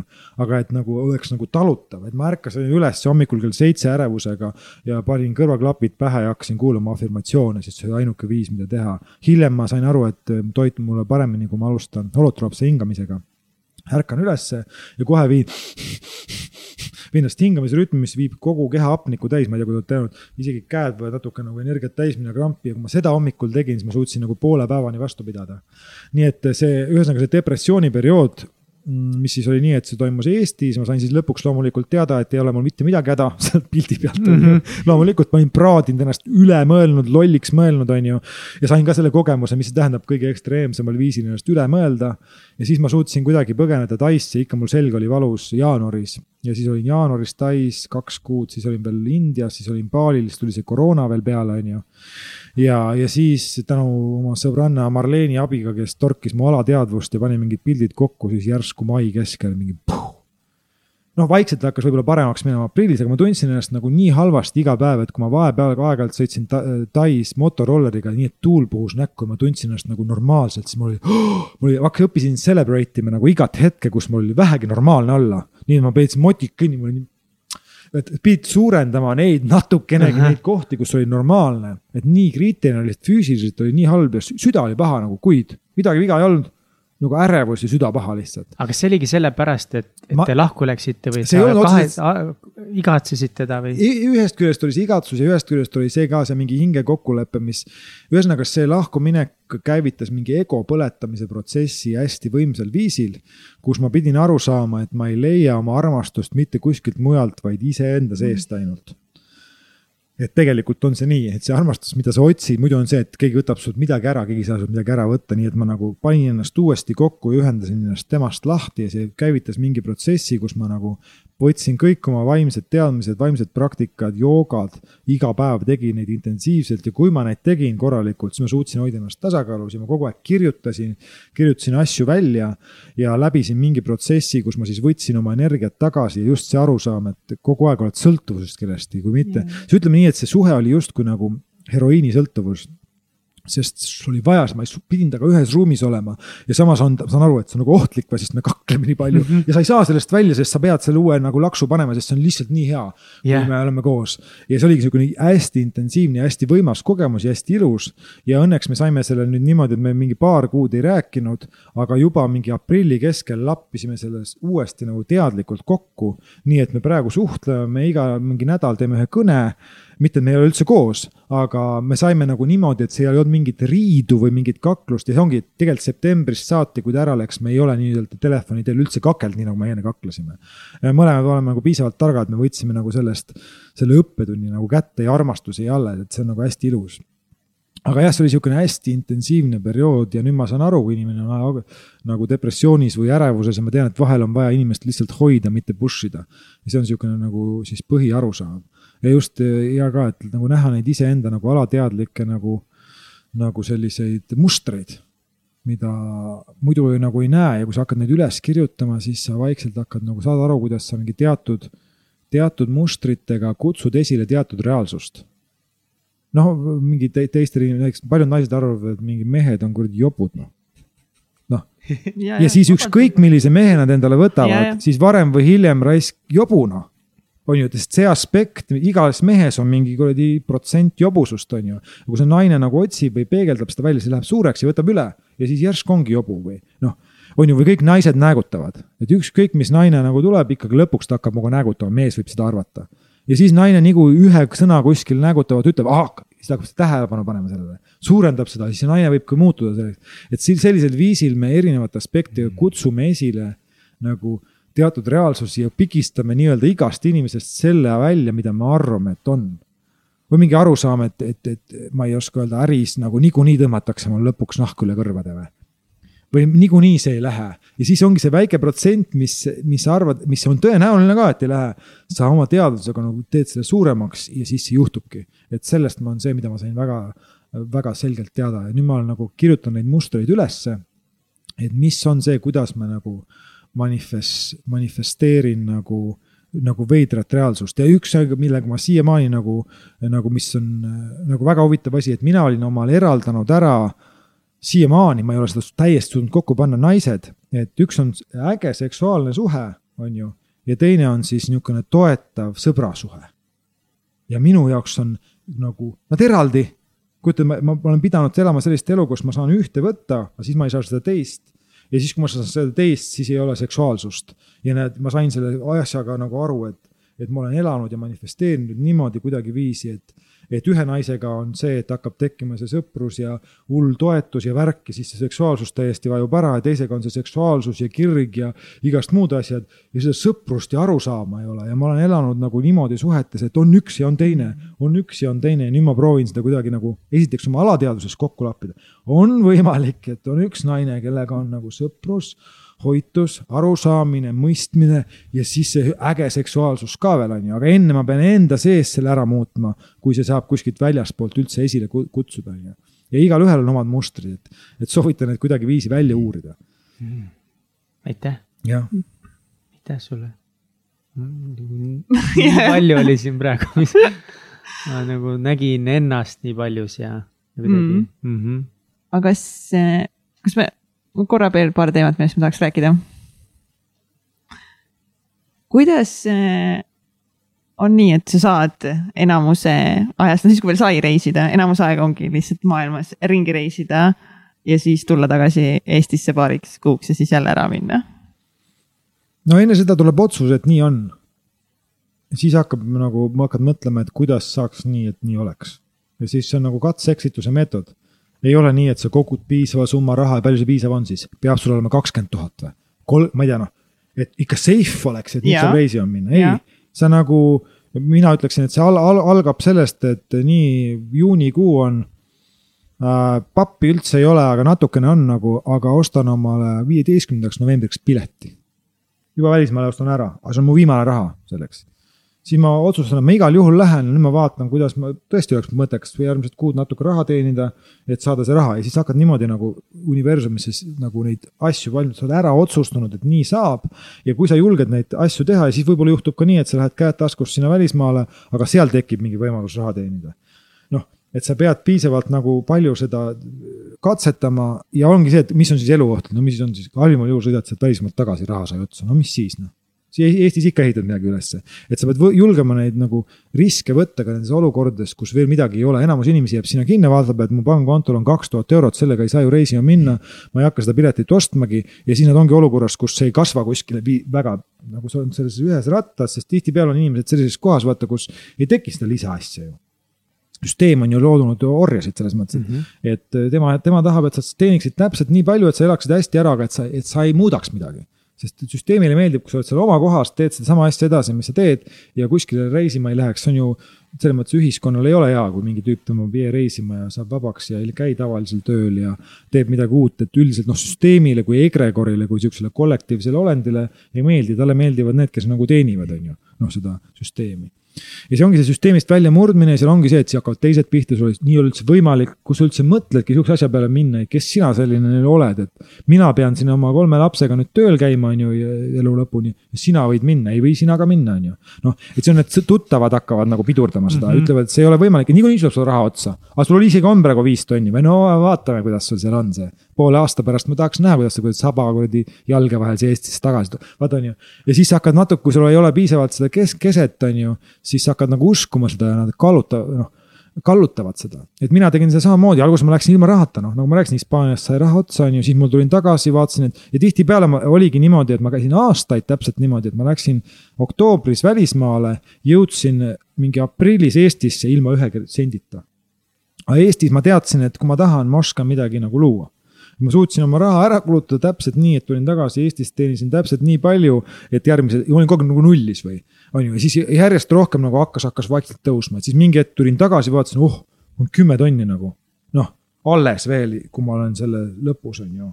mai, aprillikuus on tagasi ja raha on veel alles, oh, järelikult on mingi muutus, on ju.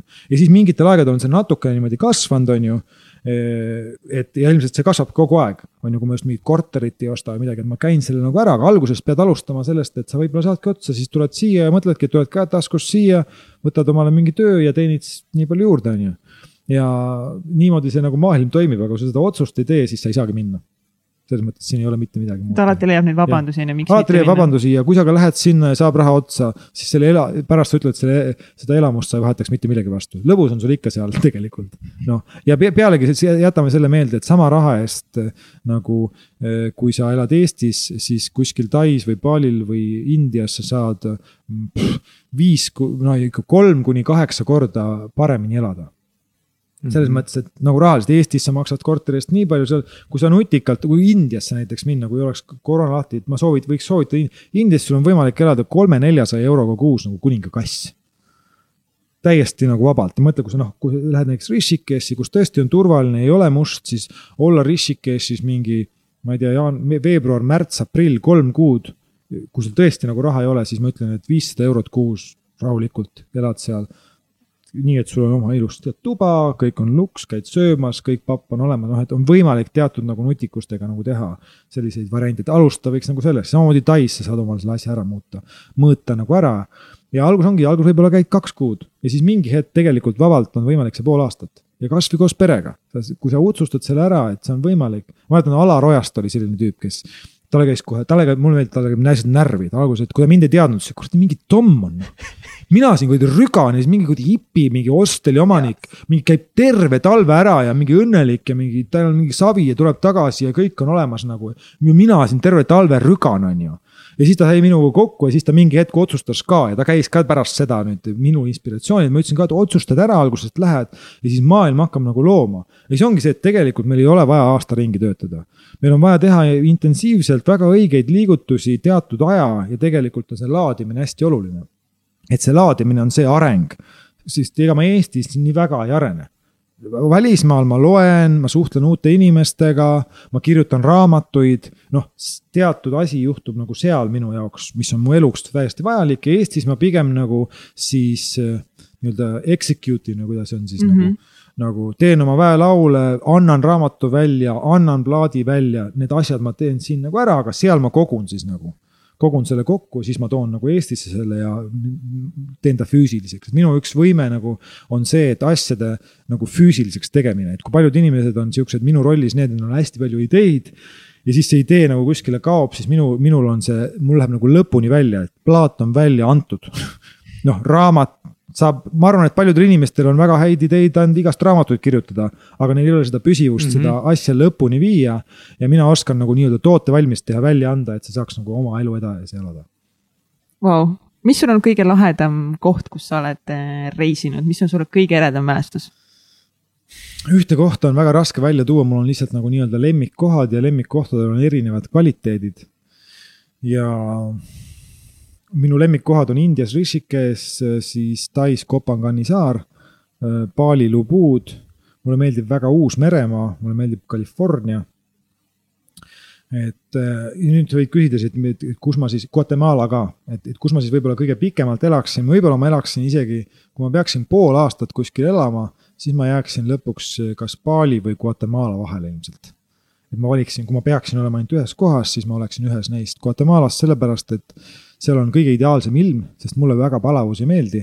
Guatemalas on Eesti parim suvepäev pool aastat. seal mm -hmm. nimetavad seda igaveseks kevadeks, et land of eternal spring. aga spring tähendab nende jaoks vaata nagu sihukene noh, nagu, nagu Ameerika kevad, mis tähendab seda, et ei ole liiga palav, aga on väga hea ja seal on see fenomenaalne, kuidas see, kuidas see natukene mingi hommikul on sihukest rõskust, värskust ja siis terve päev nagu hoiab seda ja sihukene. mulle meeldivad hästi suured vaated, seal ma saan rentida siukseid nagu koha, kus on täis klaasaknad äh, nagu siukse mm, nagu Võrtsi järvele, mm. mille ümber on vulkaanid ja siis. ja mis mulle seal eriti meeldib, on see, et mul on vaja seda hommikust praktikat ja mul on väga raske seda Eestis teha ja minu praktika on paddleboard ehk siis supplauaga sõitmine. iga hommiku mm. mina kell seitse kolmkümmend lähen supplaua peale, ma teen ära selle oma meditatsiooni, selle üks ole, üksi olemise aja ja teen veel mingit joogat seal peal ja see minu pool, see on kõige nagu väärtuslikum aeg ja see on see, mida ma Eestis igatsen ja ma ei oska seda siin Tallinna linnas hästi nagu teha ja Tais ma tegelikult teen sedasama asja, aga ma teen seda õhtupoole. kui ma Guatemalas teen hommikul, siis kui ma Copanganil olen, siis ma teen neljas enne, enne päikseloojangut ja see on mu üks lemmiktegevus. supplauaga üksi sõitmine, sest mees peab olema üksi mõnda aega. üksi ilma telefonita, üksi oma mõtetega nagu ja see on see, mis nagu laeb ja, ja sellepärast ma alati nagu mingi osa, paar kuud aastas tahan olla kuskil kohas, kus ma saan hommikul tõusta ja minna supplauaga sõitma, et see. see ajabki asi. mind nagu natukese närvi praegu, sest tegelikult ma, ma tean ja ma, ma usun ja ma teangi, et see ongi otsuse kaugusel. see on otsuse kaugusel ja see on nii nagu ühtepidi noh, see ongi, see on vale suhtumine, et ei tohi nüüd lasta nagu sellest rusuda ennast, sest miks me tahame siin nii-öelda öelda, et mõttetu hipi või miks me tahame öelda, et ah, tead, vaatamata seal hakkama saad, sest me ei taha tunnistada endale, et see ongi selle otsuse kaugusel. Sest me ei julge seda otsust vastu võtta, noh, kuradi, me ei tee mingit tööd, mis, enamus meist, me ei tee mingit tööd, mis nüüd nii hullult muudab maailma, mis on nii vajalik, et me teeme seda, kindlasti on asju, mida peab tegema. ja on hea, et sa teed, aga noh, tegelikult ongi see, et see, mida sa räägid sarnane vorm on nii paljude inimeste unistus, võib-olla mitte täpselt sama, aga mingi ja, variatsioon sellest, sellest.. Mm. ja nüüd kuulda, et see on ainult otsuse kaugusel. nagu me ei ole valmis seda vastu võtma, sest mm -hmm. ma ei Mhm. taha tunnistada seda endale. Siis ma pean tunnistama endale peeglisse, et ma saan seda teha, aga ma ei julge. mul on need vabandused, ei, aga boss, ei, aga see, ei, aga too. täpselt nii ja siis eriti kui sul veel ah, näiteks ja see on nii nagu kui praegu. sul veel lapsi ei ole, no siis ma ei näeks mitte ühtegi põhjust ja siis tegelikult, kui sul lapsed on, siis ma ei näeks ka ühtegi põhjust.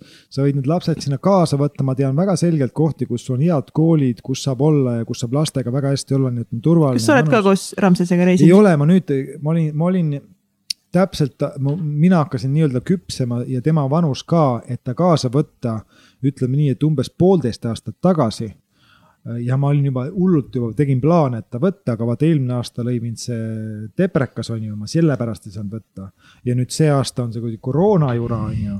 et eh, praegu nagu see nagu peale, et ma põhimõtteliselt, kui seda jama praegu ei oleks, ma see aasta oleks ta kaasa võtnud, ma oleks ta pannud ta koduõppele ja ma arvan, et kaheks-kolmeks kuuks ta kaasa võtnud, ma olen nii palju seda igatsenud, ma tahan ta siit korraks välja tõsta ja. noh, et ta saaks selle minu energiaga ühendust. et ta saaks nagu sellest arvutist ja telefonist välja sõltuvuses, nagu nad kõik on, on ju need noored meil on ju. et see on mul tõesti nagu väga tahan seda teha, et huvitav, et ei ole nagu kohustust teha, vaid nagu põnev on. aga nüüd on jälle mingi elu nagu seab mingeid teatud jaburaid piiranguid, et ma ise võib-olla lähen Taisse jaanuaris, kui noh, olukord lubab, aga ma jälle see aasta nagu selle koroonaga nagu põhimõtteliselt saaks võtta, aga mul oleks eriti suured munad, mul oleks Yeah. aga nagu nii ja naa nagu just praeguses maailma olukorras mm. on -hmm. et ise nagu enda eest vastutada, aga et poega nagu praegu võtta on nagu natuke nii ja naa. Et ma nagu väga ootan, et, et ma arvan, et noh, ühesõnaga mulle tundub, et ikkagi järgmine aasta see jura ei kesta, massipsühhoos ja see. Nad peaksid oma suure plaani läbi viima kuidagiviisi juba rutem on ju. võiks nagu ära tehtud olla Võiks juba. nagu ära tehtud tehku olla. oma see midagi ära siis või ma ei tea, mis nad tahavad seal nii teha. Tom, aga meil on nüüd aeg sealmaal, et eh, me Nii peame kahju. hakkama neid otsi kokku tõmbama, iga saate lõpus me küsime oma saatekülalistelt välkküsimusi. jah, jah, kas sa oled valmis välkküsimusteks. Ma oleks teistmoodi arvanud ja mul pärast kolmandat hooaega ikka ma nagu tunnen, et ma pean vaatama neid sa ei pea vaatama, Mihkel, päriselt sa tead neid küsimusi. okei, okei, ma tean, ma tean. niimoodi, me oleme sellest väga palju rääkinud, aga saad veel lühidalt mainida. nii, Tom, kas sul on mingeid olulisi harjumusi või rutiine, mida sa teed igapäevaselt või iganädalaselt? Äh, ma käin külma duši all iga päev. praegu ma olen saanud oma rutiini paika, ma iga hommikul viisteist minutit olen väristamisaparaadi peal tead, see on niisugune plaat, mis tal väristab ja seal ma tõstan hantleid.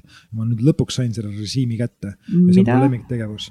ja sellepärast, et see esiteks rab, rabistab lahti stressi ja kui sa tõstad seal peale hantleid, siis ta seda lihaskude võtab veel rohkem nagu ühesõnaga treenib rohkem, sul on, sul on võimalik põhimõtteliselt viieteist minutiga teha ära umbes kolmekümne viie minutiline workout, kui sa seal peal oled. et see on üks asi, mida ma teen, mida ma veel teen, on see, et eh, esimese, ma arvan, poole tunni jooksul hommikul või isegi varem ma käin mööda tuba ringi ja karjun jess, kõik on nii hästi, see on nii hästi, sellega on nii hästi, pappi on hullult palju, kontserditel on nii palju rahvast, üldse on nii olla ja käin niimoodi üks, ma tavaliselt panen kolm minutit ja käed üleval. see on see tšempionide poos käid uh -huh. ringi ja räägid lihtsalt. Ja isegi kui praegu ei ole hästi, ikka räägid.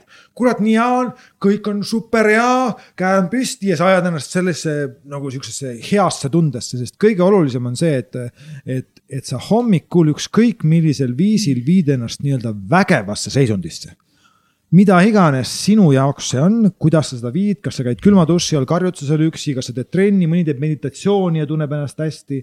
tee esimese poole tunni jooksul mida iganes, et sa tunneksid ennast, ah, mm, on ju, super hästi on ja seda ka olukorras, kus sa ärkad üles ja kõik on sitasti. sest see on vaata see, see raadionupu nii-öelda õige vajutamine ja muudest asjadest äh, ei ole, vaata erinevatel maadel on mul siis kas see paddleboard imine, et ma proovin mingi rutiini nagu panna.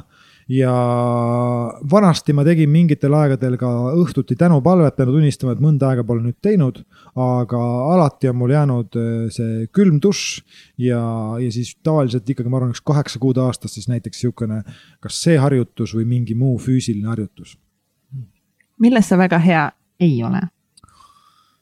Milles ma väga hea ei ole? no kindlasti mingite pillide mängimises, mida ma ei oska.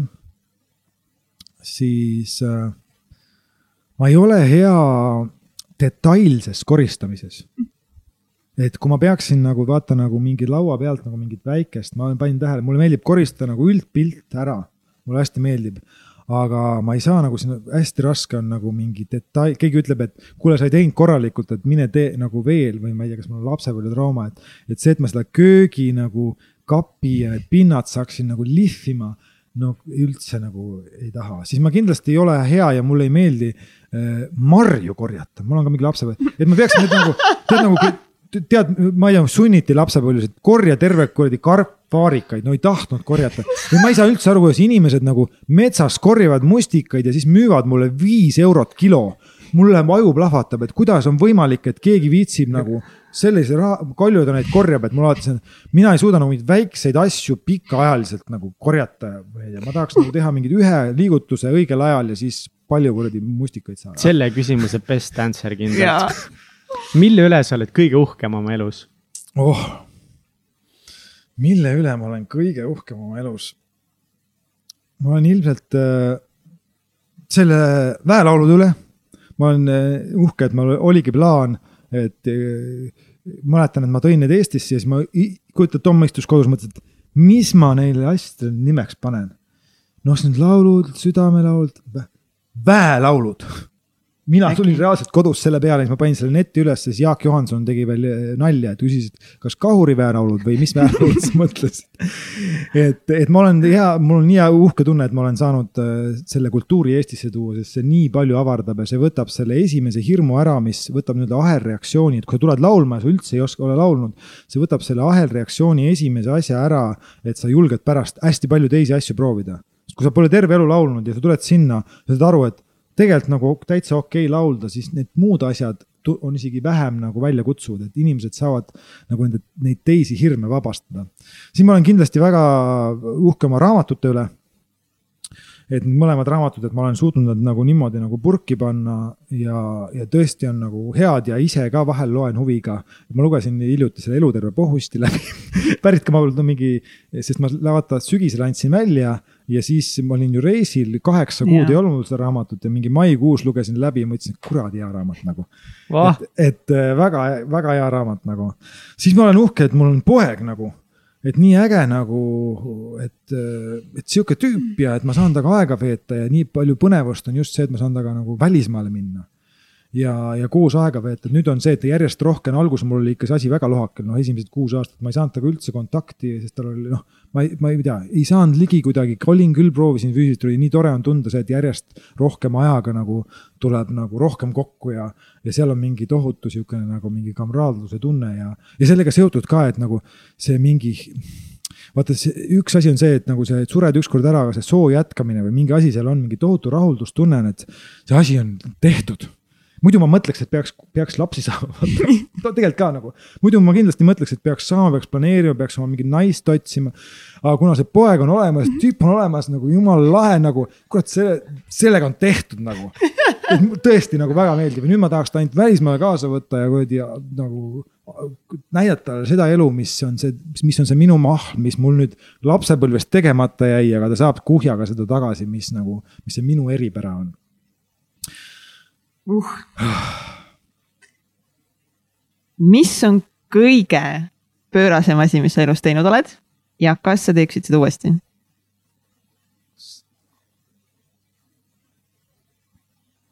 no päris pöörane asi oli ikkagi see kanjonisse hüppamine.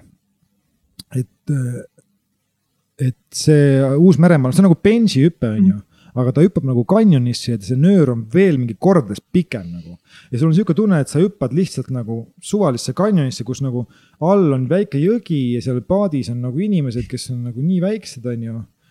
ja, ja see oli lihtsalt nagu ikkagi päris ulme kas see oli see, kus sa nagu puudutasid vett ka või? ei, ei, see, see vett ei puuduta, aga sul on niisugune tunne, et sa kukud kividesse ja mm., ja ja see viib sind nagu ära ja ma mäletan, ma tegin seda veel kaks korda järjest. järjest nagu? ja, ja ilmselt ma teeksin seda veel ja ma mäletan, et seal oli see ka, et seal oli, neil oli sala, sala see, neil olid nagu mingid teatud mudelid, millis, millisel viisil saad hüpata. sa pidid valima nagu, kas edaspidi, tagaspidi, nimed ja, olid ja, ja, ja siis oli neil sala, see oli, et bin Laden eh, mina seda ei teinud, aga see üks tüüp, tahad bin Ladenit, aga me ei ütle sulle, mis sul see, mis see sul on aga kui sa tahad bin Ladenit, siis sa oled väga retsi nagu, siis mingi tüüp oli seal mingi davai bin Laden.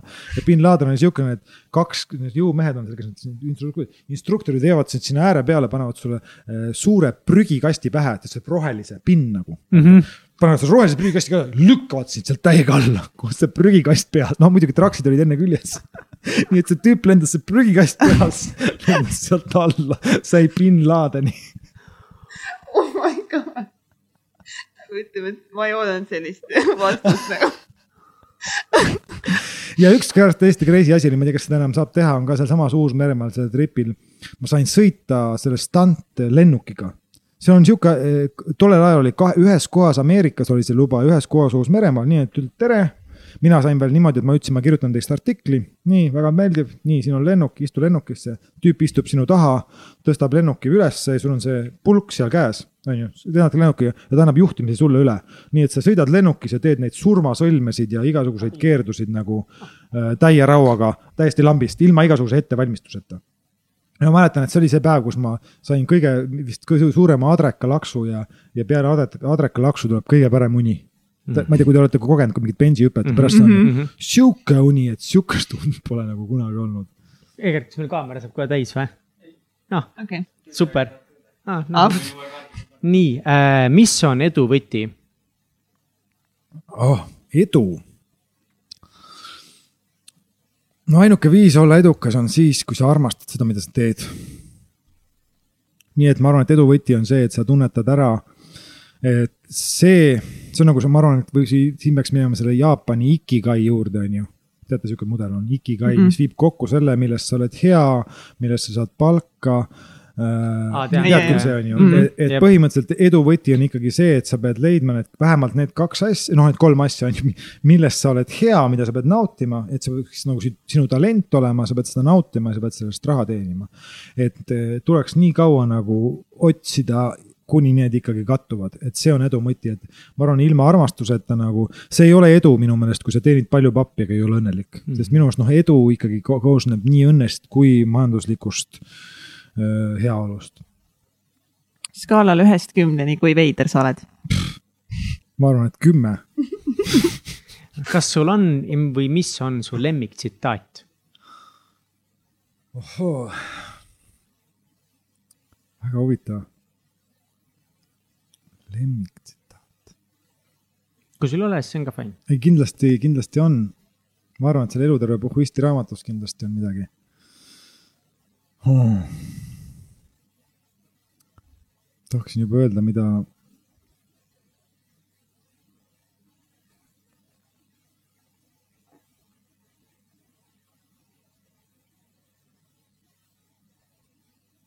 näe, pea täitsa tühi. nii ilus. väga kaunis, sa oled ennast paljaks teinud meile täna õhtul.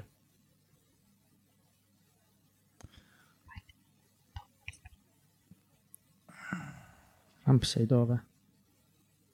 Meil ei ole see koht. no ma arvan, et äh, mulle väga meeldib see tsitaat, et et kui sul pole huumorisoont, siis, siis minu naljad ei ole üldse naljakad. mul pole huumorit. I love it. mega hea. väga hea, enesekaitseks nagu, et kui mu naljad pole naljakad, siis sul pole lihtsalt huumorit. Sorry, mul on nagu üks küsimus veel, mis ei ole üldse seotud välkküsimustega, aga lihtsalt üks küsimus, mida ma tahan eh, küsida. lihtsalt on ju. miks, miks sa oled taimetoitlane? esiteks, ma ei ole taimetoitlane, ma söön ka kala. okei okay., aga nagu suures plaanis. suures plaanis ma läksin kunagi joogakursusele ja seal väga lihtsalt nagu seletatakse need asjad ära. ja, ja mis sinna nagu kõige rohkem õh- õhku, ühest küljest ma ei usu, et liha on inimesele kasulik. selles mõttes, et ma olen nõus, et liha võib olla mingis mõttes inimesele kasulik, kui sa sööd ainult seda liha, mis on siis tulnud puhtalt. noh, nii-öelda mahepõllundusest või metsast. olen nõus, et äh, ei ole midagi häda selles, et et seda nagu võiks süüa, aga see on nüüd ütleme siis neli protsenti võib-olla lihast, on ju, mis tähendab seda, et kõik see muu nagu ei läheks mitte, on ju. Et siin on ka nagu kaks põhjust, ühest küljest ma tean, et noh, ma usun, et see ei ole, see ei ole vähemalt vajalik, see võib olla mingil hetkel kasulik, see ei ole vajalik. aga kõige olulisem on ikkagi see keskkondlik äh, aspekt siin. et mida mina näen hästi-hästi suurelt ja, ja ma näen seda, et, et tegelikult meie siin valime nagu, kuidas maailmas asjad on et äh, kõige suurem põhjus ikkagi mina arvan, miks maailmas asjad keskkondlikult on pekkis, on see loomade masskasvatamine.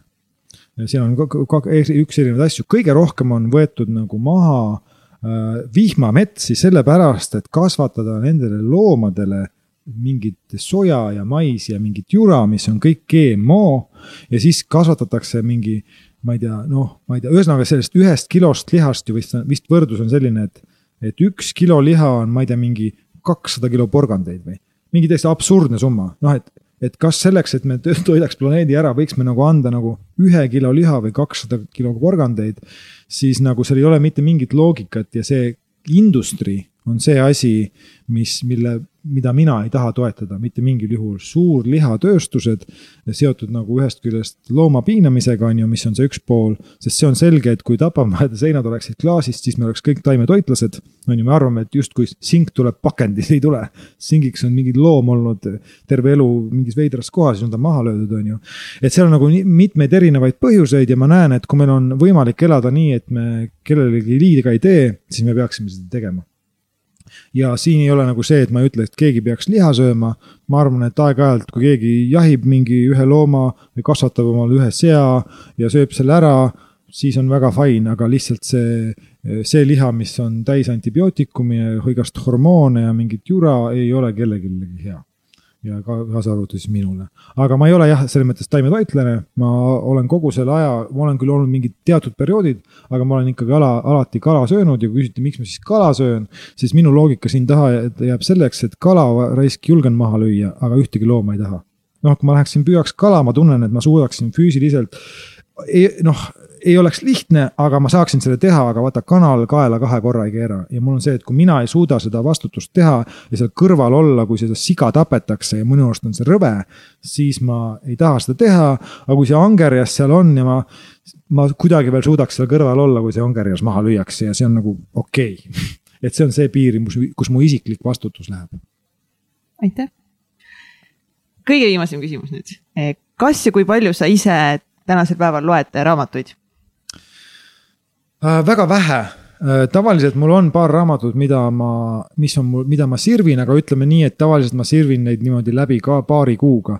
praegu on mul nendest raamatuteks Alar Tammingu jalutuskäik raha alkeemiasse mida ma väga soovitan mm.. see on üks põnevaid raamatuid, ma üldse, mida, mida ma tean.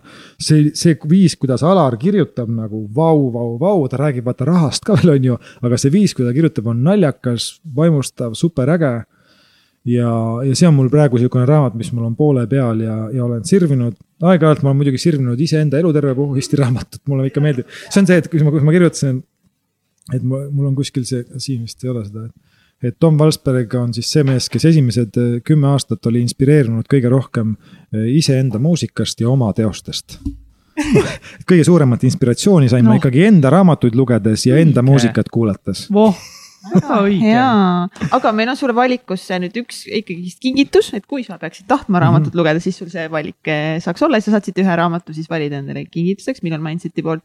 esimene raamat Ei ühtki einet üksi ja teisi nippe, et suhete loomisel edu saavutada. siis eh, esmalt küsi, miks? tulemuslikkuse kunst, sinu konkurentsieelis ja mõistujutt toru juhtimisest sihuke raamat. mulle jääb eh, kõlama see Simon Sinek, sest ma olen teda seal internetis näinud ja ta ajab jumala head juttu nagu. nii et see Simon praegu läheb. on hea. väga hea, hea., ma alati, kui ma kuulan, siis no pikk jutt ja kordagi ei lähe igavaks, nagu läheb ja läheb ja kõik, mis ta ütleb, on nagu jah, okei okay,, ma olen sinuga kallis mees nõus. jumala hea on kuulata siukseid tüüpe nagu. jaa, olen nõus, väga hea, jätkame see on mul sama tunne, mis mul on eh, sind kuulates ja sinuga vesteldes. väga meeldiv. väga lahe, nagu ma olen lihtsalt nagu nii tänulik selle vestluse eest ja selle aja eest. ma ei tea, kus sinuga, Mihkel? mina samuti, aitäh sulle väga, et sa tulid, jagasid neid mõtteid ja ma leidsin täna mitu korda ennast sügavalt kuskilt. jälle nagu. mingis no. sügavas kohas, kus ma mõtlesin. aitäh ja aitäh teile kuulamast. ja kus meie kuulajad saavad sinu tegemistel silma peal hoida? Äh, sihuke kodukas on nagu väelaulud.ee, et seal me siis anname märku, millal väelaulud toimuvad, ma arvan, et varsti nad toimuvad jälle iganädalaselt. ja teine huvitav koht on meestejutud.ee, kus, mida me teil täna, täna üldse ei rääkinud, aga seal on minu meestekoolitused teadlikust seksuaalsusest nii et need on äh, küll ainult meestele, aga siuksed asjad, mis võivad väga radikaalselt nagu elu muuta ja suhteid muuta. nii et ma annan siis meestele nagu praktikaid, äh, kuidas, kuidas voodis ja parem olla ja kuidas siis seksuaalenergiat kasutada nii, et seda ei kaotaks. et mõned on mul, mõned on öelnud, et mul on see, mul on voodis must vöö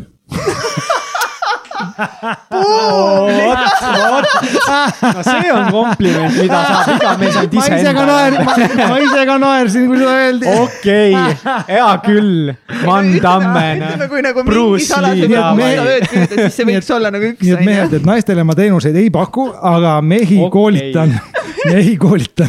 nii et naised, kallid naised, saatke kõik oma mehed eh, Tommi juurde koolitustele mm -hmm. ja ma soovitan sada protsenti kõigil vähemalt ühe korra minna väelauludesse, ma lähen kindlasti varsti sinna uuesti ja see on lahe kogemus ja kindlasti ka kõik ekstaatilised tantsud ja kakaotseremooniad ja ühesõnaga minge kogege ja ma loodan, et kohtume seal ja aitäh. aitäh. tšau.